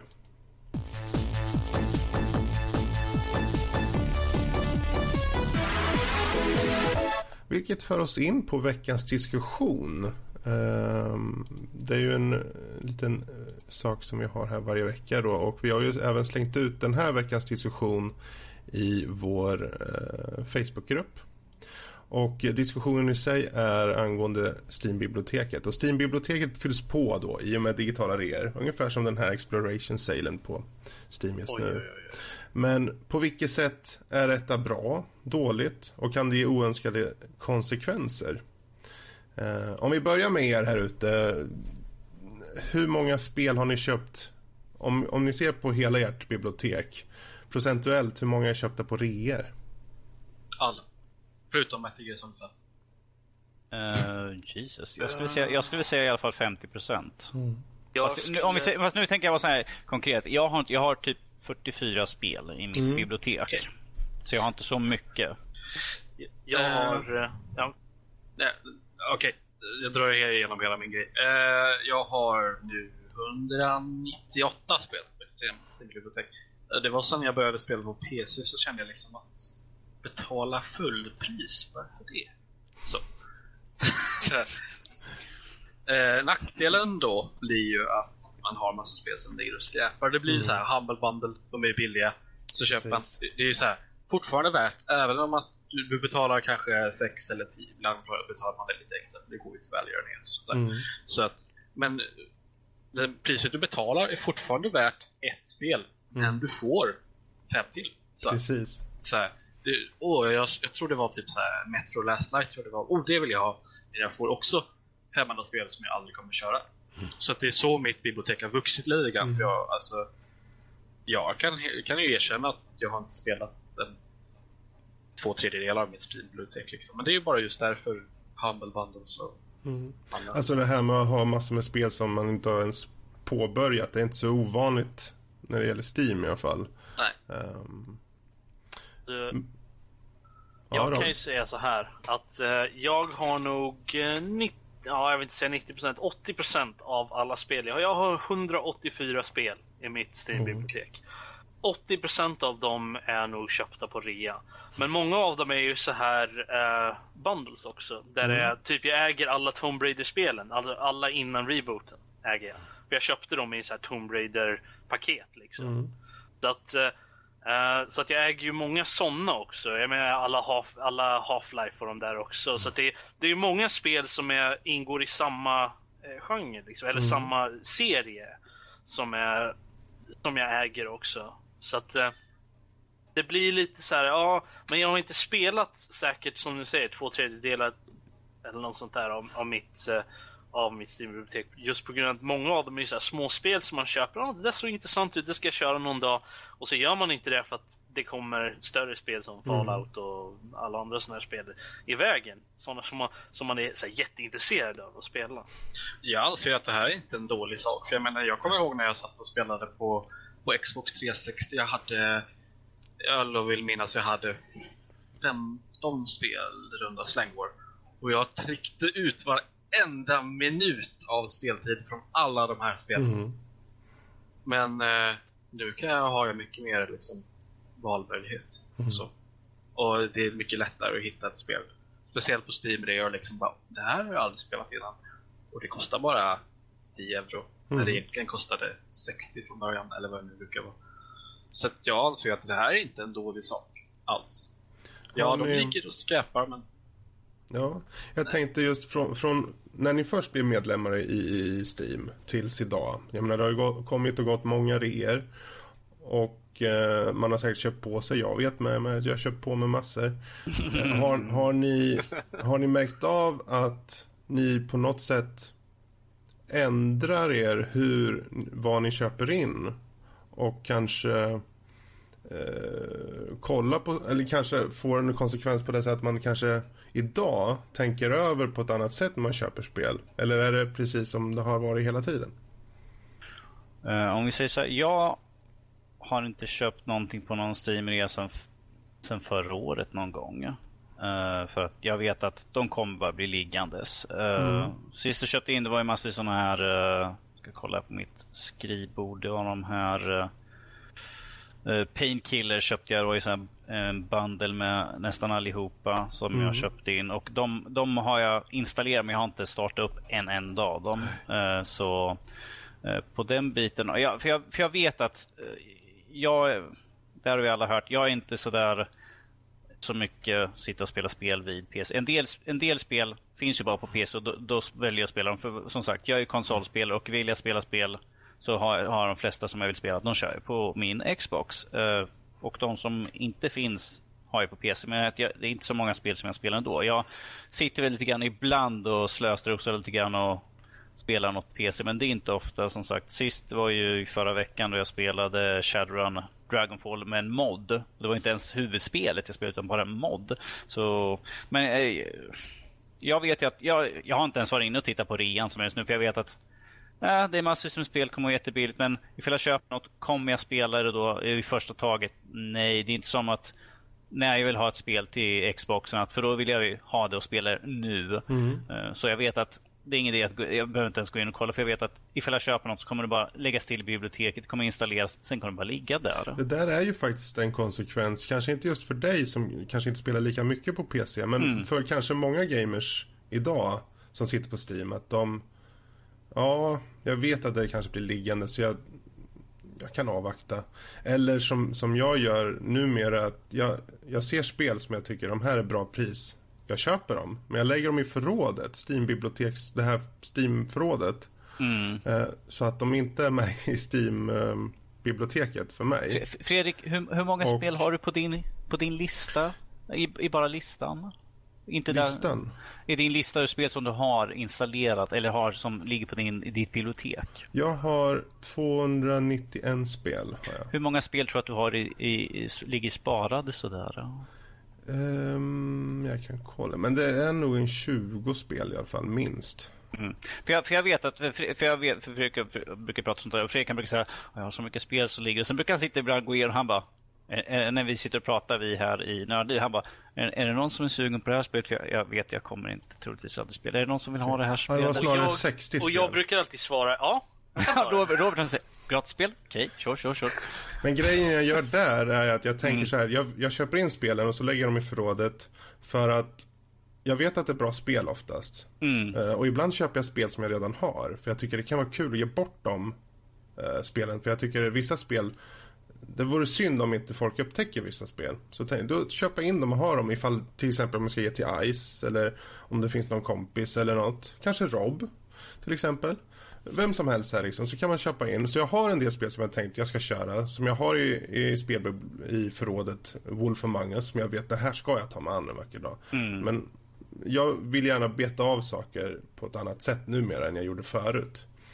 Så det, det, känns bättre att ha den där. Och är det så att jag vet med mig att jag kommer inte kunna spela den här, jag kommer inte ha tid. Då kan jag ge bort den liksom. Så får någon annan uh, njuta av det.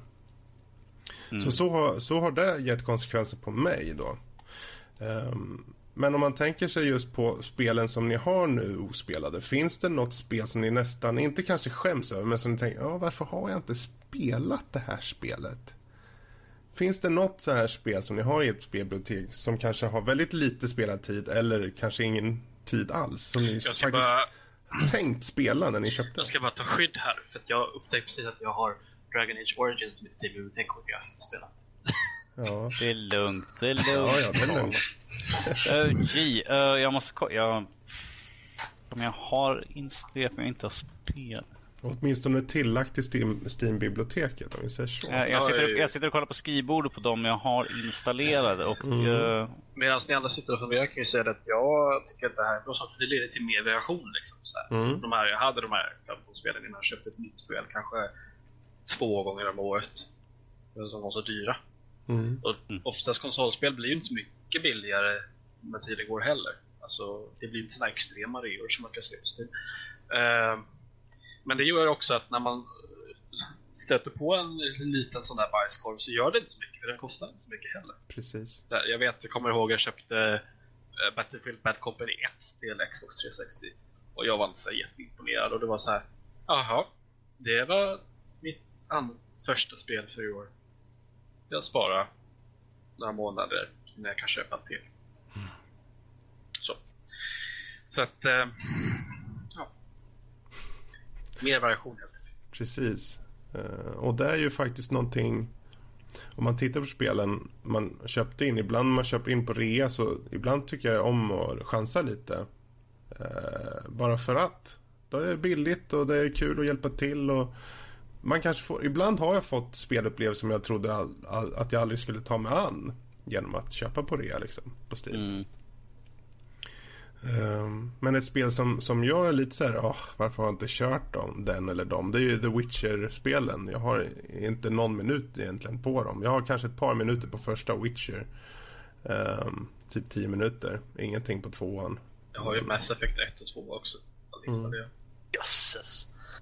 Robert, uh, tyst. Jag, jag håller med Fredrik där faktiskt. Jag har också Witcher 1 och 2 liggandes. Jag har ju aldrig ens installerat dem. Uh, för att jag visste, jag vet att de är stora spel och det tar en stund att ta sig ja. igenom dem.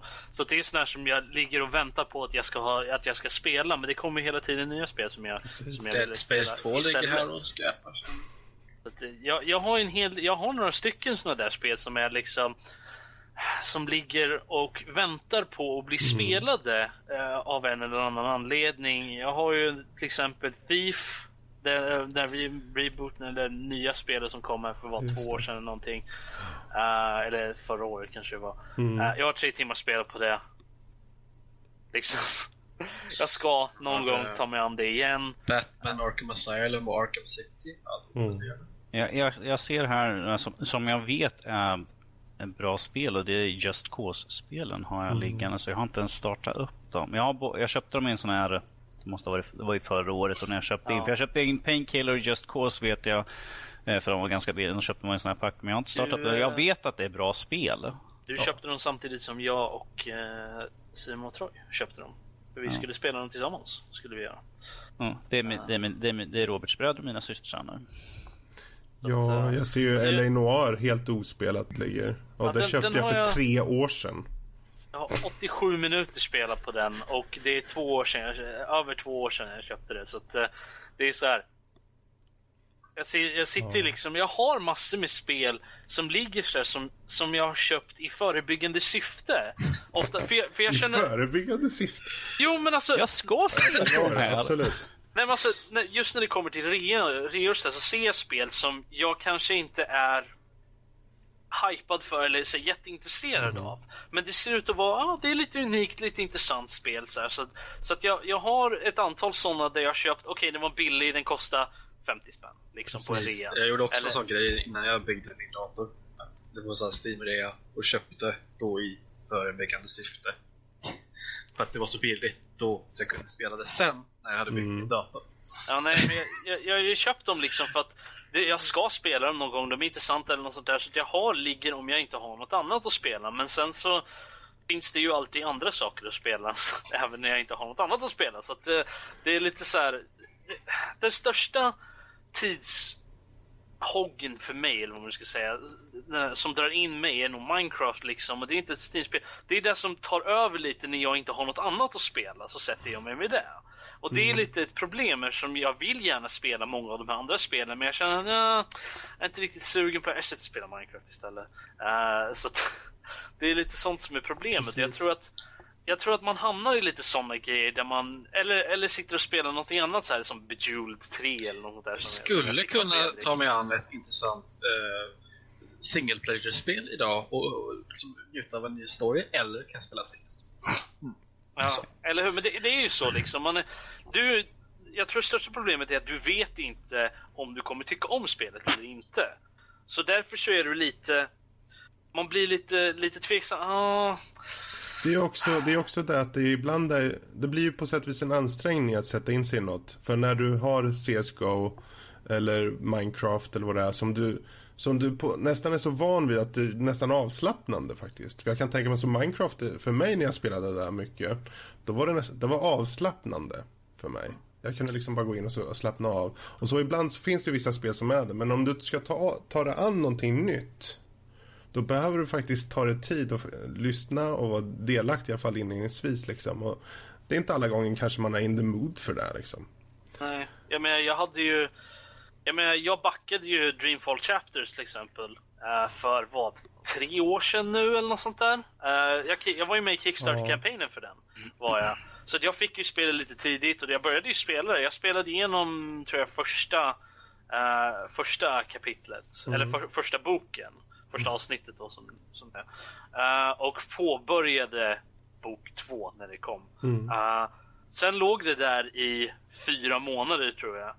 För jag orkade helt enkelt inte, för det, det är så storybaserat. Uh-huh. Och jag hade helt enkelt inte orkat ge mig in i det. Uh, så att det, det, var, det är lite den, den man faller in i, för man orkar inte. För det är ju en ganska stor ansträngning egentligen att, att spela ett spel som är ganska storydrivet. Eller som har mycket story eller, eller mycket collectibles eller vad fan som helst liksom. Där man vet att man, man måste sugas in Precis. i spelet. Eh, för att man ska tycka om det. Och har man inte orken för det så kommer man inte tycka om spelet. Då känns det som man har förlorat någonting mm. där. Det är så ungefär som, man spela någonting annat. Det är som en Witcher 3. Jag vet ju med mig, det här är ju ett fenomenalt spel säkert. Jag är bara rädd för den tiden det tar, tar så att säga. Eh, jag skulle vilja förkovra, men det är ungefär som Dragon Age eh, Inquisition. Jag har lagt ner ett par timmar, 15 kanske, när många andra ligger på 150 liksom. Och det, det, det, jag ser ju att det är ett bra spel och så, men jag, det, det har bara inte blivit av liksom. Det är sånt commitment på något sätt. Jo, men det är ju så. Problemet med att tycka om sådana spel som är stora, som Fallout, Dragon Age, Mass Effect, what have you, alla sådana där stora spel, är ju det största problemet är ju tid. Mm. Och även om man som jag, jag har jättemycket tid. Men samtidigt så har jag inte tillräckligt med tid eller jag har inte tillräckligt med ork helt enkelt för att sätta det gäller, Det gäller att sug också. Sätta. Jag, jag, mm. precis, som, jag, precis som Robert, jag har, jag har ingen jobb, eh, jag, jag har ingenting jag behöver göra. Jag har ingen partner eller någonting sånt där. Så jag har ju all tid i världen. Eh, men det gäller ju att ha suget för att sätta sig ner och spela ett spel. Man kan, jag kan titta på mitt bibliotek och eh, jag har också utdelat från Fredriks konto så jag på sån här eh, family setting så att jag kan ta del av hans spel också. Men det gäller liksom, jag sitter och tittar på alla spel och jag bara, jag kan ju... Eh. Nej, jag går och kollar på en film istället. Mm. Jo, men det, det är ju en, det är ju det där antingen det är ju den här lilla striden mellan passivt och aktivt. Är det ju. För du, när du sätter dig och tittar på en film, en serie, Youtube, what have you. Sådana mm. grejer liksom. Så är det det är ju en passiv grej. Du kan luta dig tillbaka, du kan sitta där och titta liksom. Medan när du sätter dig och spelar ett spel så är det ju väldigt aktivt. Du måste tänka, du måste fokusera, du måste ta dig an det på något mm. sätt. Ja, men även spel som Bejeweled och sådana där, det är ju väldigt passiva grejer liksom. Du kan bara sitta där och spela. Jag menar, Bejeweled har ju till och med ett zen-mode mm. där du kan bara fortsätta i all evighet liksom, bara sitta liksom. Det, det, det, det är en helt annan upplevelse än att sätta sig och spela någonting större. Mm.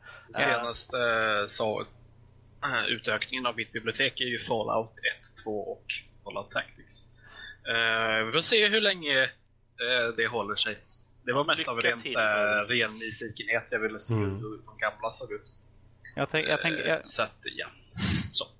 Jag, jag tänker ta läsa upp den här som har fått här i, kom, i kommentaren på Twitchen. Och det är från Simon som har skrivit, eh, som har gett ut lite recensioner på lite anime på vår hemsida, eller Walk with Park som han även kallas för. Han har skrivit så här. Jag tycker att det är ett stort problem att ha alldeles för mycket spel man har eh, där i på grund av Humble Bundle. Vilket jag i och för sig inser är ett ilandsproblem och inget annat. Vilket är ju ganska sant egentligen. Uh, jag menar Humble Bundles, där kan man få hur många spel som helst för så låg, så låg eh, summa egentligen som helst. Ja. Mm. Uh, precis, det var ju det som Carl pratade om förut. Där, ja. mm, precis. Och, och, och han skrev att han, han har 210 spel i Steam och kanske klarat 50 70 av dem och mm. 90 100 spel aldrig installerat. Vilket som du har också Fredrik, att du mm. har ju väldigt många spel som ligger och väntar. Uh, och du har massvis installerat och jag har ju aldrig det. Men jag, och som sagt, jag har ju de flesta av mina spel installerade. Men har inte startat upp dem. Och det är ju samtidigt ett väldigt ilandsproblem. Ja. Det, det, det största problemet som, som jag finner egentligen är ju det du sitter där, du, du har en lista på spel. Uh, och så installerar du skiten och tänker ja men jag ska spela det här. Det sitter där i evigheter och till slut så måste man ju avinstallera om man ska ha liksom plats för nya spel. Och för mig så känns, känner man sig väldigt, jag känner mig lite skyldig över oj, jag, jag installerade det här spelet för ett år sedan och ändå så har jag inte spelat det. Även fast jag var ganska exalterad över att ha mm. det när jag, när jag väl köpte det. Så det blir, det blir man, man får någon form av skuldkänsla nästan av att, av att, av att inte ha spelat spelet även fast man ville. Uh, man har dragits in av andra spel eller, eller något sånt där. Och det, på något sätt så känner jag, det får mig, det får mig nästan att må lite dåligt när jag, när jag tittar på min, min, mitt Steam-bibliotek och känner jag skulle kunna spela de här 15 spelen. Ja, eller inte. Alltså, det är nästan det är nästan som att titta på ett berg och tänka ja, ja det där ska jag klättra. Ja, nej, jag går. Jag går. Det skulle jag vilja se. Det, det är liksom det... Jag, jag, har en, jag har en liten fråga här nu från chatten, från Devlas. Hur många Early Access-spel har ni som spelat, men sedan inte spelats mer? Typ som bara, som bara stannat till? Mm. Hur, många, hur många spel har ni som Early Access som ni har spelat när, när ni köpte det, men sen liksom bara låter det vara? Jag kan svara, jag har inget alls som är Early Access. Jag har bara spel som har varit ute ett bra tag. frågan är om något vi har köpt vi tidigt och sen inte kört något mer sedan dess, eller? Typ. Ja. Uh, och jag skrev ju precis i chatten att det är Floor 2. Mm. Problemet med Early Access är ju att du tappar lite den här hypen av ett spel du släpps mm. på Early Access. Det är inte riktigt färdigt, men som Killing Floor 2 är ju fortfarande ganska polerat. Det skulle mer eller mindre kunna vara färdigt och skulle behöva lite mer variation i vapnen och sådär, lite mer vapen och sånt Ark, var inte det Early Access? Ja, det är också eller? Early Access. Men ja. eh, vilket gör att du spelar det och sen så är det färdigt och sen släpps det helt plötsligt. Mm. Va? Jag spelade det för år Vissa spel kanske man går tillbaka till, vissa spel aldrig. Jag har egentligen, vad jag vet, eh, är ju Ark då. Men jag har lagt ner 33 timmar på det. Och mm. nu känner jag mig förvisso, nu känner jag mig mätt på det. Nu är jag klar med det känner jag. Eh, men det finns ingen som säger att jag inte går tillbaka till det om ett år eller något när det kanske till exempel har släppts.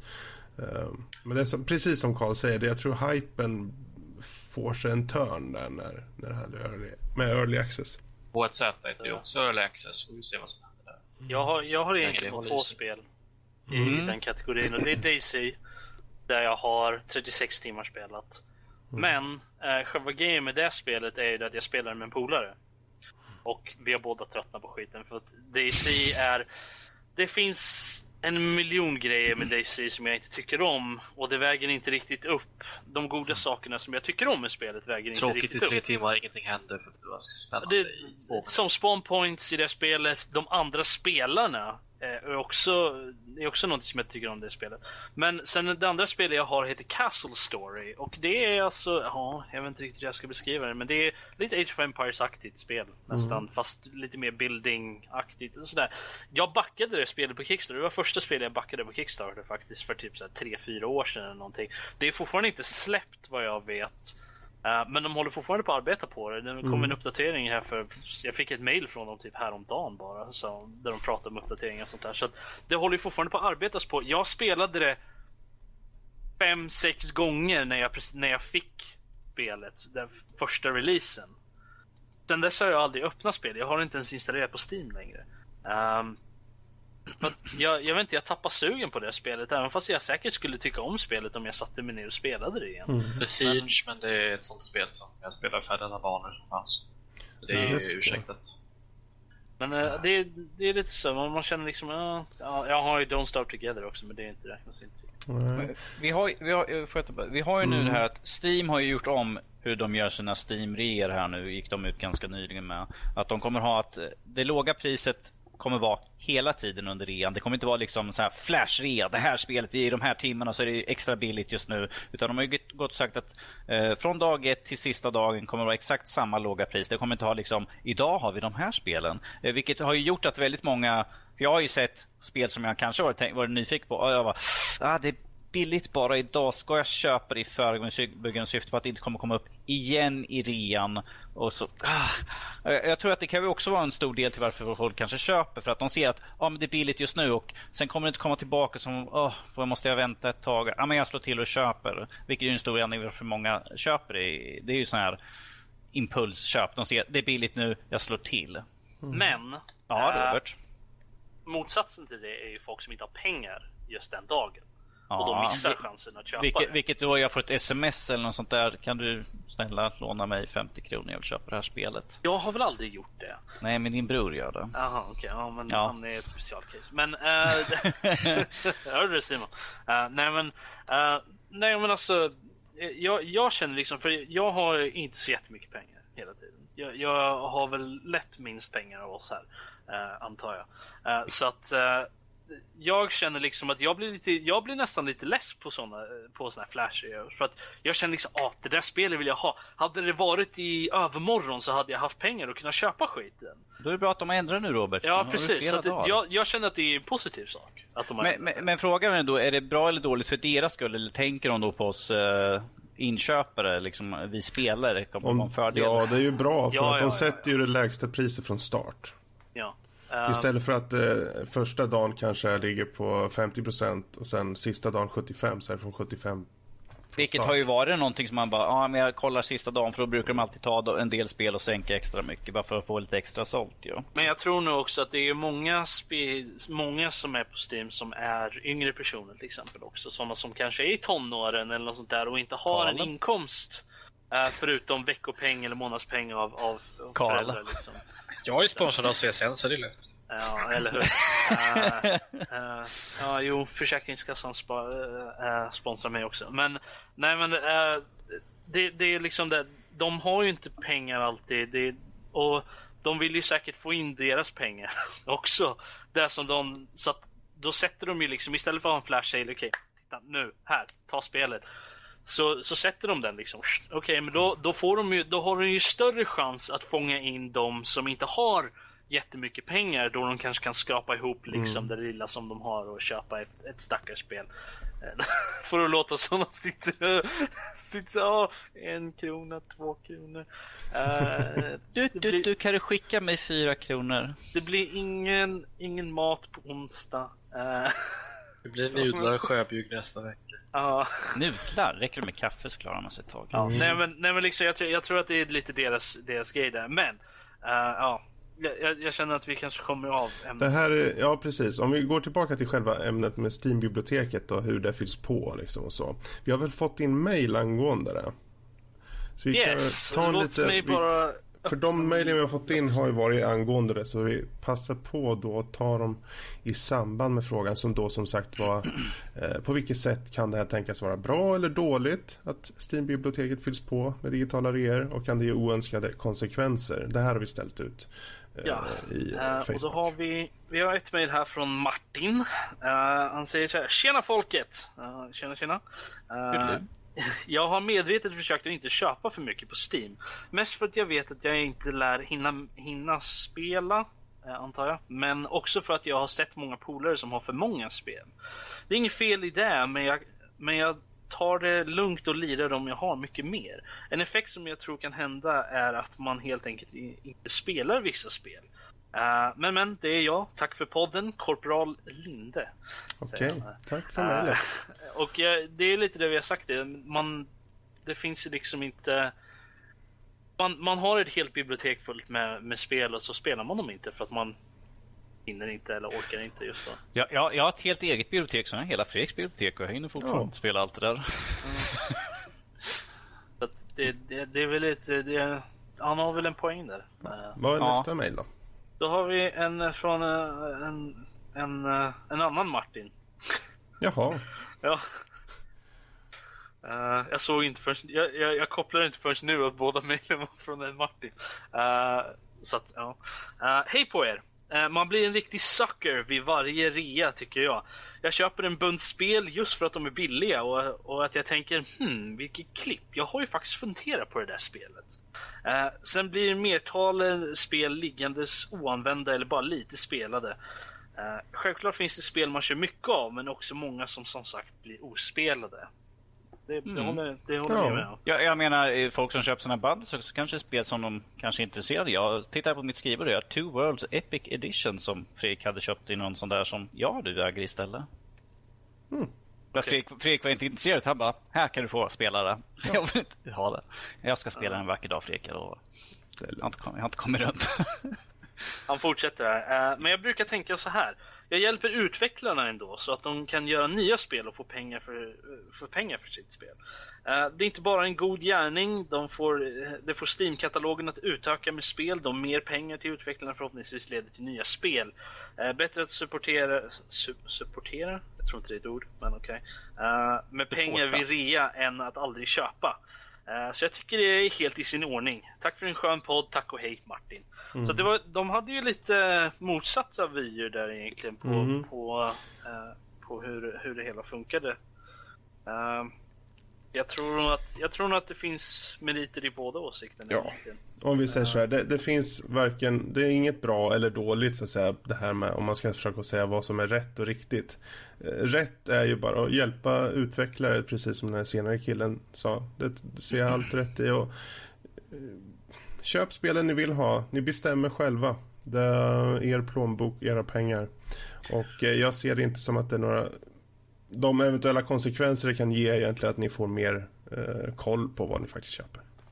Så. Jag, jag, jag kör samma argument som jag säljer om, säger om eh, här DLC eller mikrotransaktioner. Det är du själv som bestämmer. De kan tvinga dig att köpa någonting. Är det billigt, slå till. Om du verkligen vill ha det och spela det.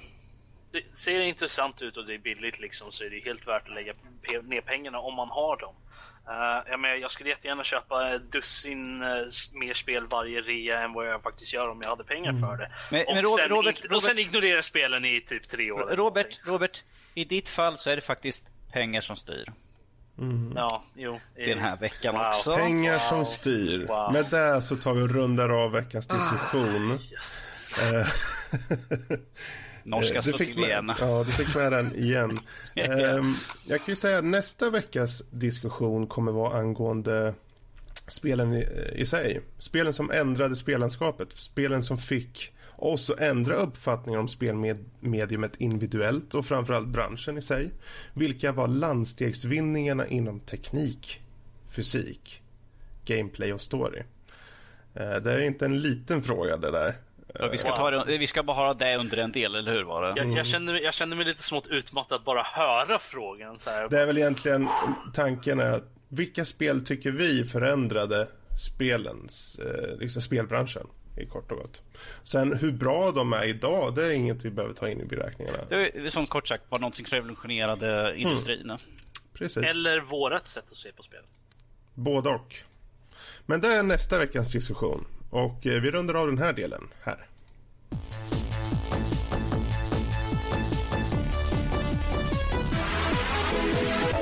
Vilket för oss in på övriga nördämnen och där har vi lite gott och blandat att ta upp. Ehm, om vi börjar med den här trailern som släpptes på Captain America Civil War. Joj, joj, joj alltså. Ehm, ja, vad är er respons? Vad tycker Jag, tror- ni? jag Vad tror, vi börjar, ni? tror vi börjar med Robert, för han håller på att explodera. Han sitter oj, oj, oj, oj, oj.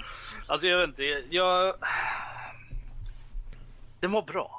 Det, det var liksom, den var... Tack Robert. Den, den Okej, en... bra. Vad skönt. Han, kan, han var kort och koncis där. Här. Ja. Nej, nej, bra. nej, nej. Nu ska ni inte tro att jag har gått Nej, nej, nej. sånt. Sluta döms nu. Ja. nej, alltså, den, den, fick, den fick mig... Jag har inte tänkt så mycket på, på nästa Captain America faktiskt. Ehm, så att den fick mig att bli lite så, åh, eh, det, det blir nice. Det, det ser ut att bli nice ut. Jag känner inte att jag är riktigt eh, för, förstår vad storyn är än. Även fast jag har läst vad, det, vad storyn är, men jag är inte riktigt säker på att jag förstår. För jag vet vad Civil War, storylinen var i serietidningarna. Eh, men eh, jag är inte riktigt säker på vad den är nu i, eh, i, eh, i filmerna. Cinematic Universe. Men, eh, sen, sen, men den, den ser väldigt intressant ut. Jag blir väldigt hypad. Jag vill se den nu, tack. Jan imorgon. Uh, Carl? Ja, eh, vad ska man säga? Alltså, jag tycker att det, det ser lite spännande ut. Eh, jag tycker, de, att- tycker att de har tagit en intressant riktning vad gäller storyn. Att de, det är inte någon generisk bad guys som ska slåss emot utan det verkar ju bli lite mer interna konflikter Mm. och sånt där mellan alla superhjältar och sånt där. Så alltså det är ju ingen Star Wars-hype precis. Men Nej. jag ser det, det, det kommer nog vara en bra film ändå. Alltså, Precis. Absolut. Jag tyckte det var lite, jag tyckte också, jag tyckte det var en bra trailer. Ehm, Det var inte, det var inte förut har de släppt trailers man bara åh jag måste se den här nu. Jag känner inte så typ för den här. typ såhär, man bara ja, den ska Ja. vi se. Nu är det såhär bara, Ehm, ja, ja, skulle ja kunna tänka mig absolut jag vill se den men jag känner ingen så här super wow, kom nu. Men det jag tyckte var lite kul om man tittar på trailern för den heter liksom Captain America Civil War. Det är liksom fyra mot fyra i en bakgränd som slåss. Och man bara, ja. det känns inte så episkt än så länge. Men eh, det, det har ju karaktärsutveckling tror jag i det här. Som, kommer, som i Captain eh, America eh, The Winter Soldier hade ju mycket karaktärsutveckling.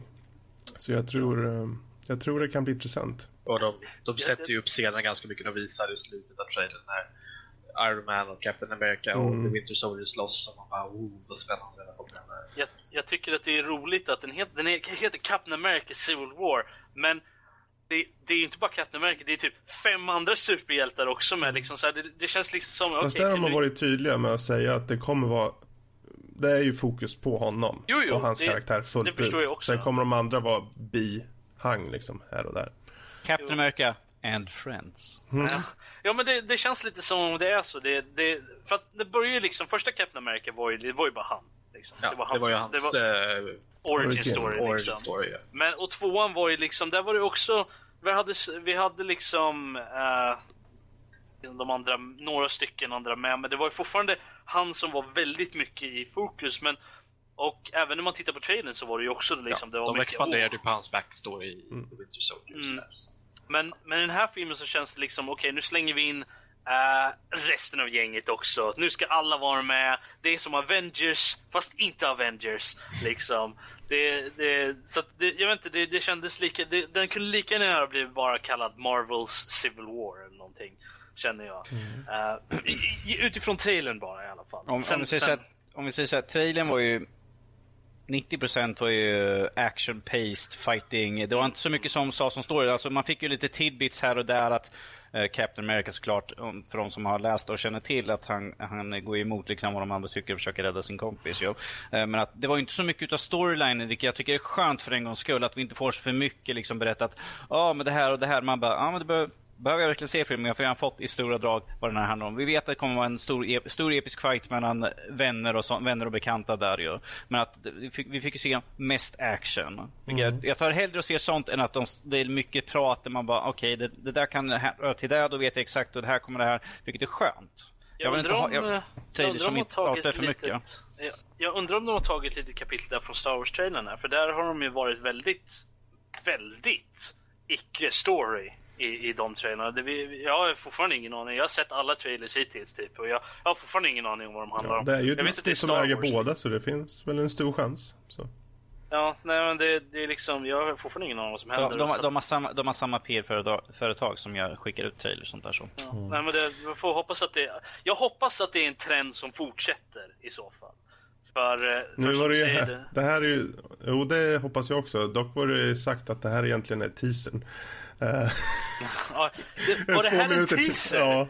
Really? Uh, och uh, jag menar förr var det högst en teaser på typ 30 sekunder och det visade ja. ett par klipp. Nu för tiden så är en teaser en trailer och en trailer ja, är typ fyra ska, minuter. Men, jag, ska, jag kan säga vad, vad som en teaser.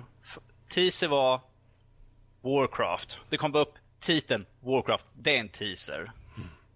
Det här ja. är liksom en episk trailer mer eller mindre. Mm. Vi hade ju, en, vi hade ju en, en Star Wars teaser, var det inte den också? Det var också 30 sekunder, den, den... det var typ ingenting bara. Det, var på, det, det, kom upp typ Star Wars och det var, det var typ ett shot bara. Nej, av löjliga lasersvärdet. Mm. Ja precis. precis. Det var det enda som var med i, i teasern. Liksom. Det är en bra teaser. Det får en hypad, det är Star Wars. Liksom. Oh, jävlar. Men det här var är det två minuters teaser. Man bara, jag känner mig inte så mycket teasad som... Mm. Uh, jag menar, ja, du är ju sugen en, förstås. Jag, men jag, jag, jag, jag är en, liksom, det är, klar. Som att kalla en Big Mac en aptitretare. Liksom. Ja. jag, jag, jag, jag bara... bara det här är ju USA alltså. Jag, jag tycker det är synd lite grann att... Uh, jag tänker ta upp problem med trailers och sånt där. Att de, de visar upp saker som den här Kyles eh, ljussabel. Det tycker jag att det borde man inte visa. Att Det, det är precis som de gjorde med Episod 1 när de fick Darth Mauls ljussabel. Sånt där. Jag bara, ah, det hade varit så coolt för vi har sett det i filmen och nu får vi se det här. Mm, jo, men de vill, de vill ju väcka intresse. Men jag tror att, jag tror att, jag tror inte det är någonting som, som, på, på, som går att fixa eh, på det sättet. Att just som du säger, problemet med trailern är att man får se saker som hade varit så coolt att ha med i filmen som man, för att se första gången. Vil vilket då tar, vi får tillbaka till Captain America, där, där, får vi se massvis med action. Vi vet, det kommer vara mest action. Det är Captain America, det är där, där de gör i. Och det är Marvel, så det är klart, det är där vi förväntar oss mer eller mindre. Vi ser Scarlet Witch. Uh, Scarlet Witch. Va? Ja. Ja, Black Widow. Witch. Black, Witch, Black, Black Widow menar jag. Men Scarlet uh, Witch såg du också. Så. Ja, Scarlet ah. Witch också. Och där vet vi action. det är det de gör. Och sen liksom så här, åh du kan inte göra det här. Men jag måste göra det. Man bara, ja men vi vet ju att han har ju alltid varit lite grann emot. Så det är inget, inget nytt. De, de tar inte och berättar något nytt som vi inte redan visste, vilket är Det är skönt. ju ingenting som vi inte har förstått med hur de har byggt upp de senaste filmerna. Att det här är Mm, på vilket väg, är skönt. liksom, jag, jag skulle vara sur för att skulle helt plötsligt komma upp med någon sån här dialog. Man bara... Åh, nej.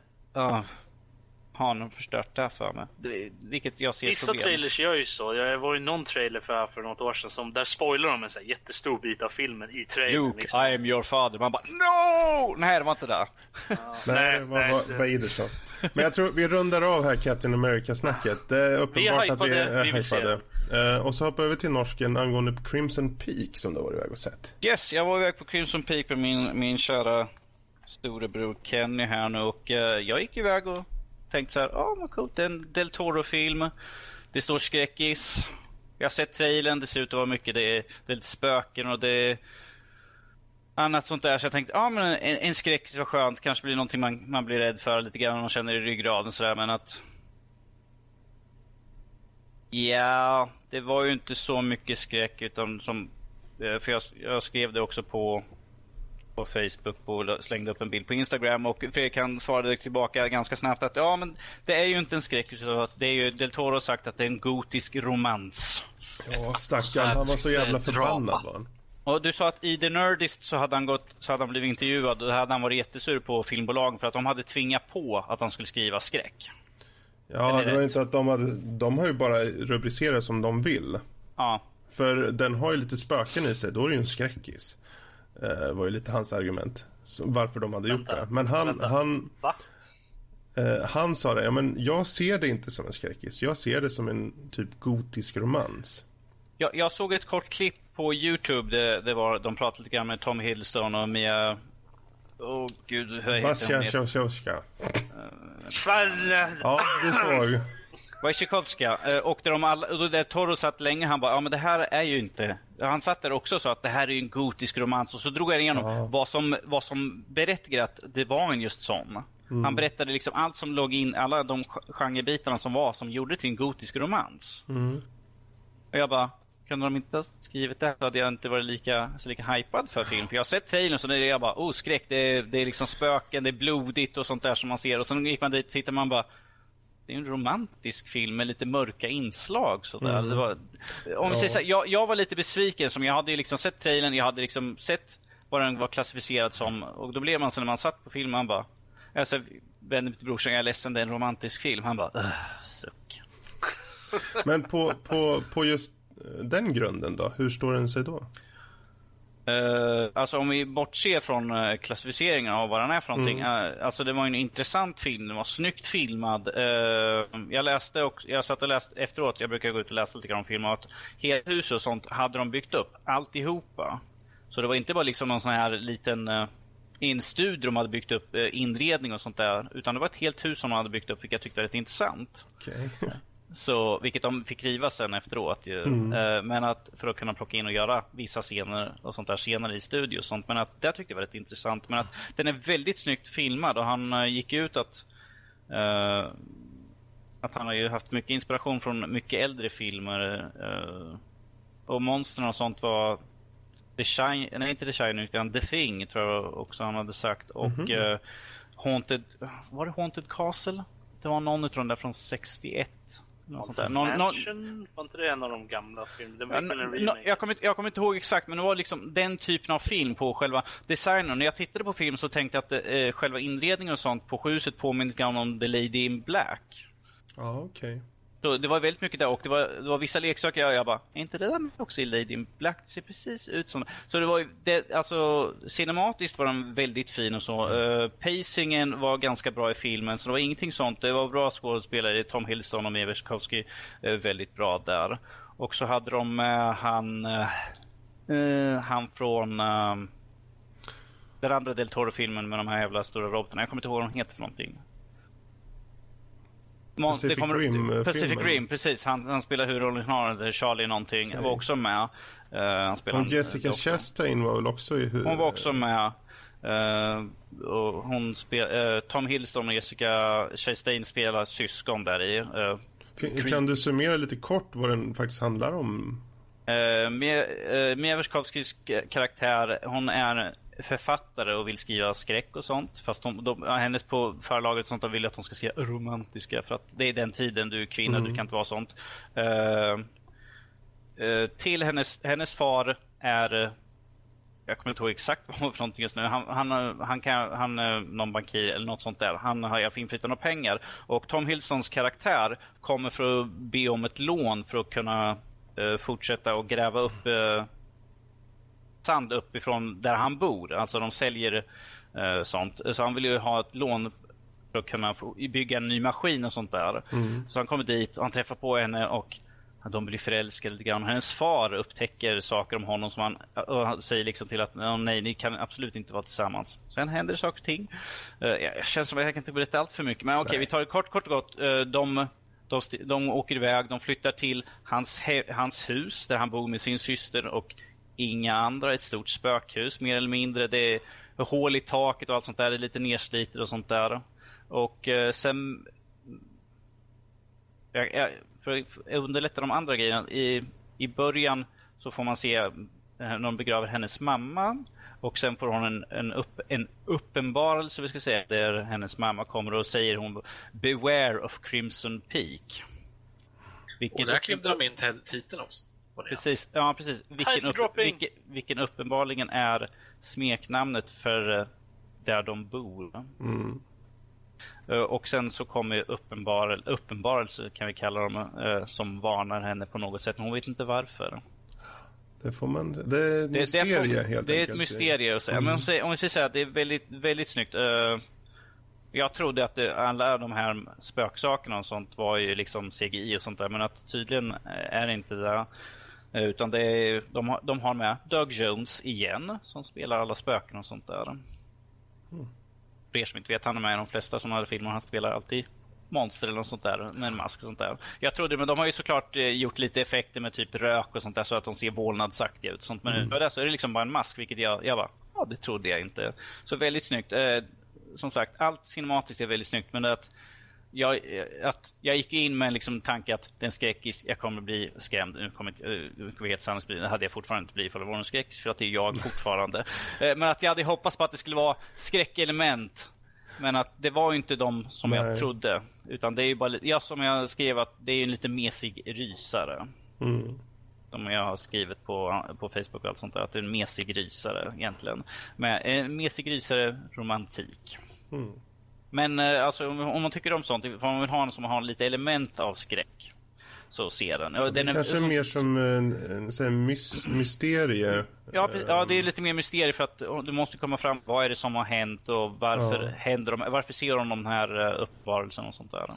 Så man vill ha en liten gåta och se. Ja, precis. Så kan man se Crimson Peak. Och eh, jag har också läst att uppenbarligen så är det väldigt många sådana här saker som händer i filmen som är tagna från hans andra filmer. Alltså element från mm -hmm. saker som händer i filmen som är tagna från andra saker i hans okay. filmer. Så det är lite kul att han återanvänder en del saker. Men eh, om man tycker om det och tycker man om Del Toro-film så, så rekommenderar, rekommenderar jag den att se den. Mm. Jag ska inte se den man Uh. Du, Robert, du kan se den. Det är ingen fara alls. Nej, jag menar på att jag är inte så jätteförtjust i Del Toro. Ja. Ja, ja, och du är lite mesig på det allt som har med skräck eller något sånt där. Um, bra, men ska vi gå till uh, den sista punkten så att säga vad gäller övriga nördämnen. The Man from Uncle. Mm. Yes. Uh, vilket uh, jag tror många av oss här har sett. Uh, men mm. det är först främst du Rob som har sett den nu precis. Ja, jo, jag såg den här i, igår tror jag mm. Vilket jag troligtvis inte gör. Uh... Jag såg den i måndags tror jag. Jag såg ja. den i någon gång i veckan. Ja, det, ja. Uh, ja nej, det, alltså det är ju en spionfilm inom citattecken skulle jag nästan vilja säga. Mm. det känns inte som det är så mycket spionerande egentligen. Även fast det revolverar runt det så är det inte riktigt där det handlar om på något sätt. Tycker inte jag i alla fall. Det var inte den, den känslan jag fick. Och den, den är ju väldigt annorlunda från de andra spionfilmerna som jag sett nyligen, eller på sista, de senaste åren i alla fall. Eh, I och med Bond och, och eh, eh Kingsman och what have you. Um, men den handlar ju om, det är en remake av, eller reimagining av tv-serien som gick på 60-talet. Uh, eh, utspelar sig på 60-talet, jag tror 1963 tror jag. Och den handlar om eh, två spioner, en amerikansk spion som heter Napoleon Solo och en rysk spion som heter Ilja Kriakin. Eh, och de tvingas att teama upp under en eh, eh, under det kalla kriget och för att eh, för att få tag på ritningarna till en, så här, en, en bomb, en atombomb. Och måste hjälpa uh, dottern till uh, snubben som byggde den, som, som designade och byggde bomben. det är lite korta drag vad den faktiskt handlar om. Vad den handlar om. Men den är... Eller har jag missat någonting? Nej, det, det stämmer. Uh, jag vill inte avslöja för mycket för att det, det, det är liksom, den är en bra film och det är värd att titta på. Uh, det är mycket saker som händer under filmen och det är, med, det är en sån här team-up film mellan, folk, mm. mellan två personer som inte vill teama upp liksom och, och det, det, bara det ger ju, säger ju mycket om filmen i sig tycker jag. Uh, men jag måste faktiskt säga att den är väldigt själva designen på filmen, själva, själva looken på filmen är väldigt vad, vad jag har sett av filmer från 60-talet, eller från den tidsåldern runt omkring där i alla fall, är med som uh, The Italian Job och de där, de är ju från runt den tidsåldern är de ju. Och den ser väldigt mycket ut som de filmerna gör. Den, det, det är inte, den ser inte ut som modern, en modern film. Liksom. Precis.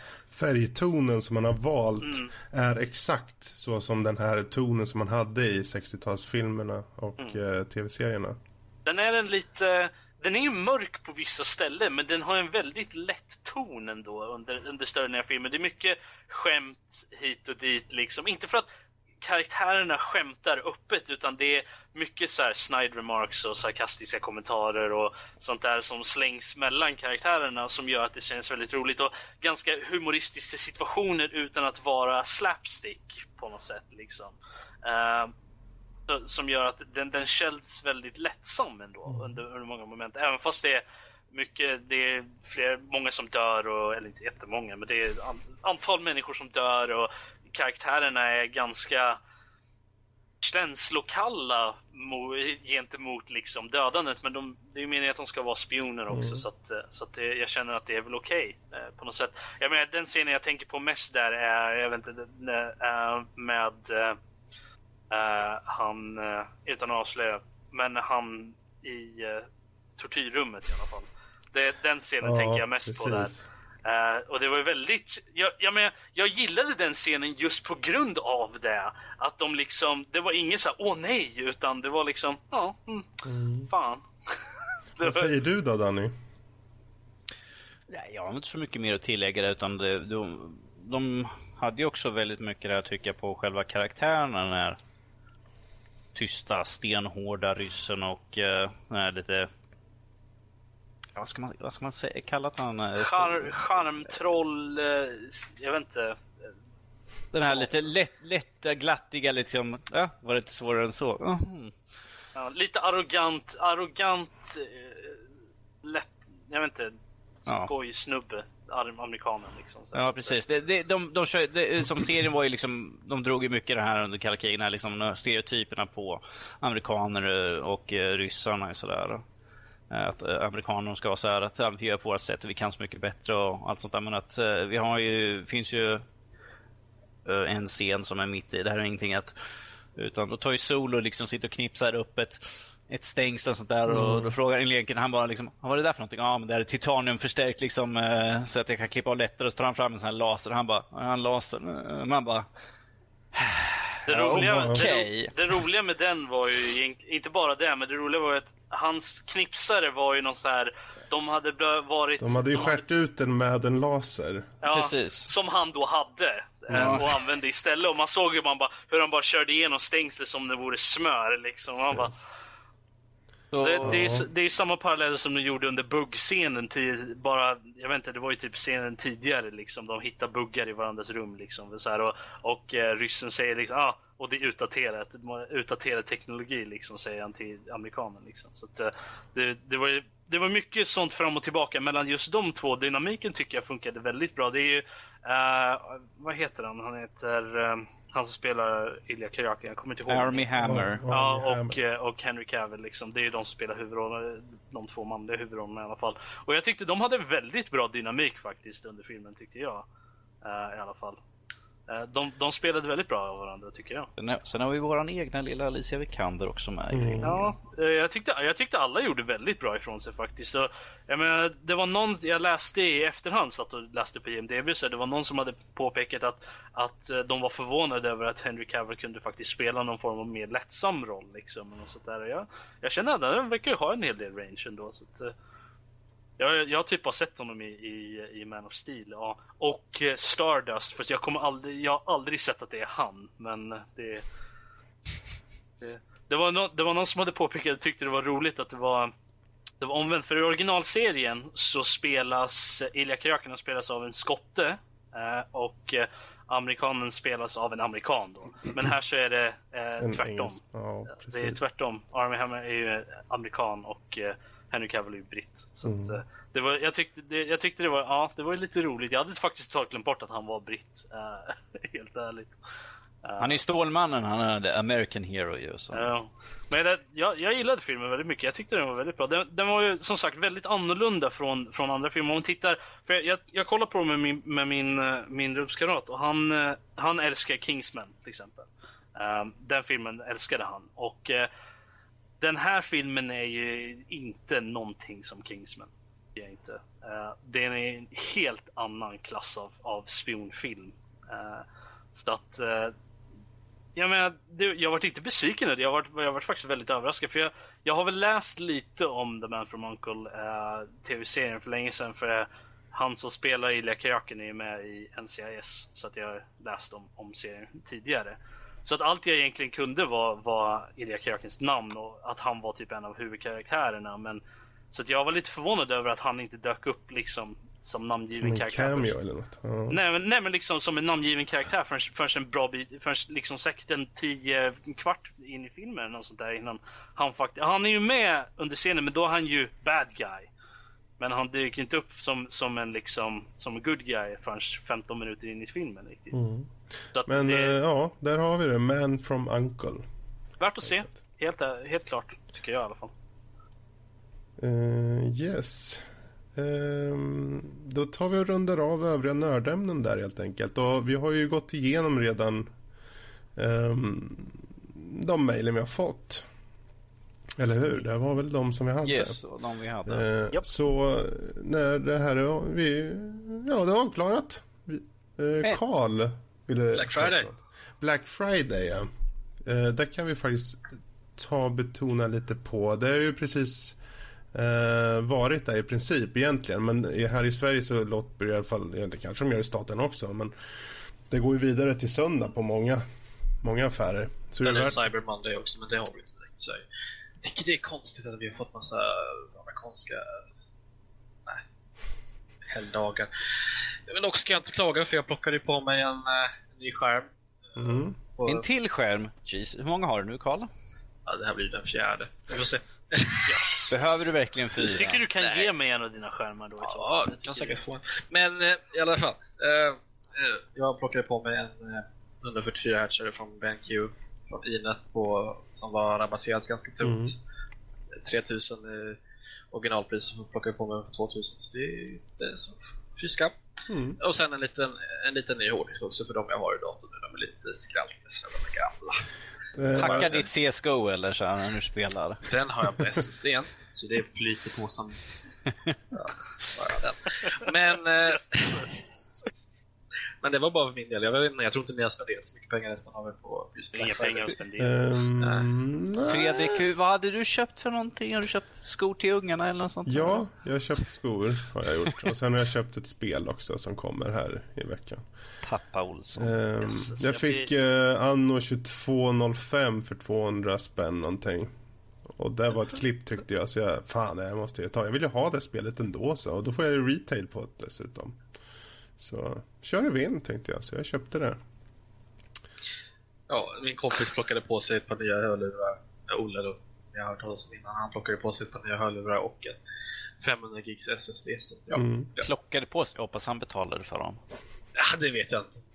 Alltså, sådana här situationer där, där det är väldigt rabatterade priser, det får mig, det får mig sakna tiden då jag faktiskt hade ett jobb. eh, Då jag faktiskt hade pengar så jag kunde spendera. Mm. Det var ju faktiskt det, det där priset de slängde ut på Xbox One med eh, två spel för 22,90. Det var ju faktiskt en annan tänkte jag, men fan. Det där var ju bra pris faktiskt. Ja, så du tänkte så här, fan, jag kanske ska köpa en sån till kan- och så köper jag ett bilspel, ska vi spela ihop? Du har, ingen, du, du, du har ingen att spela bilspel med, eller hur var det nu igen Fredrik?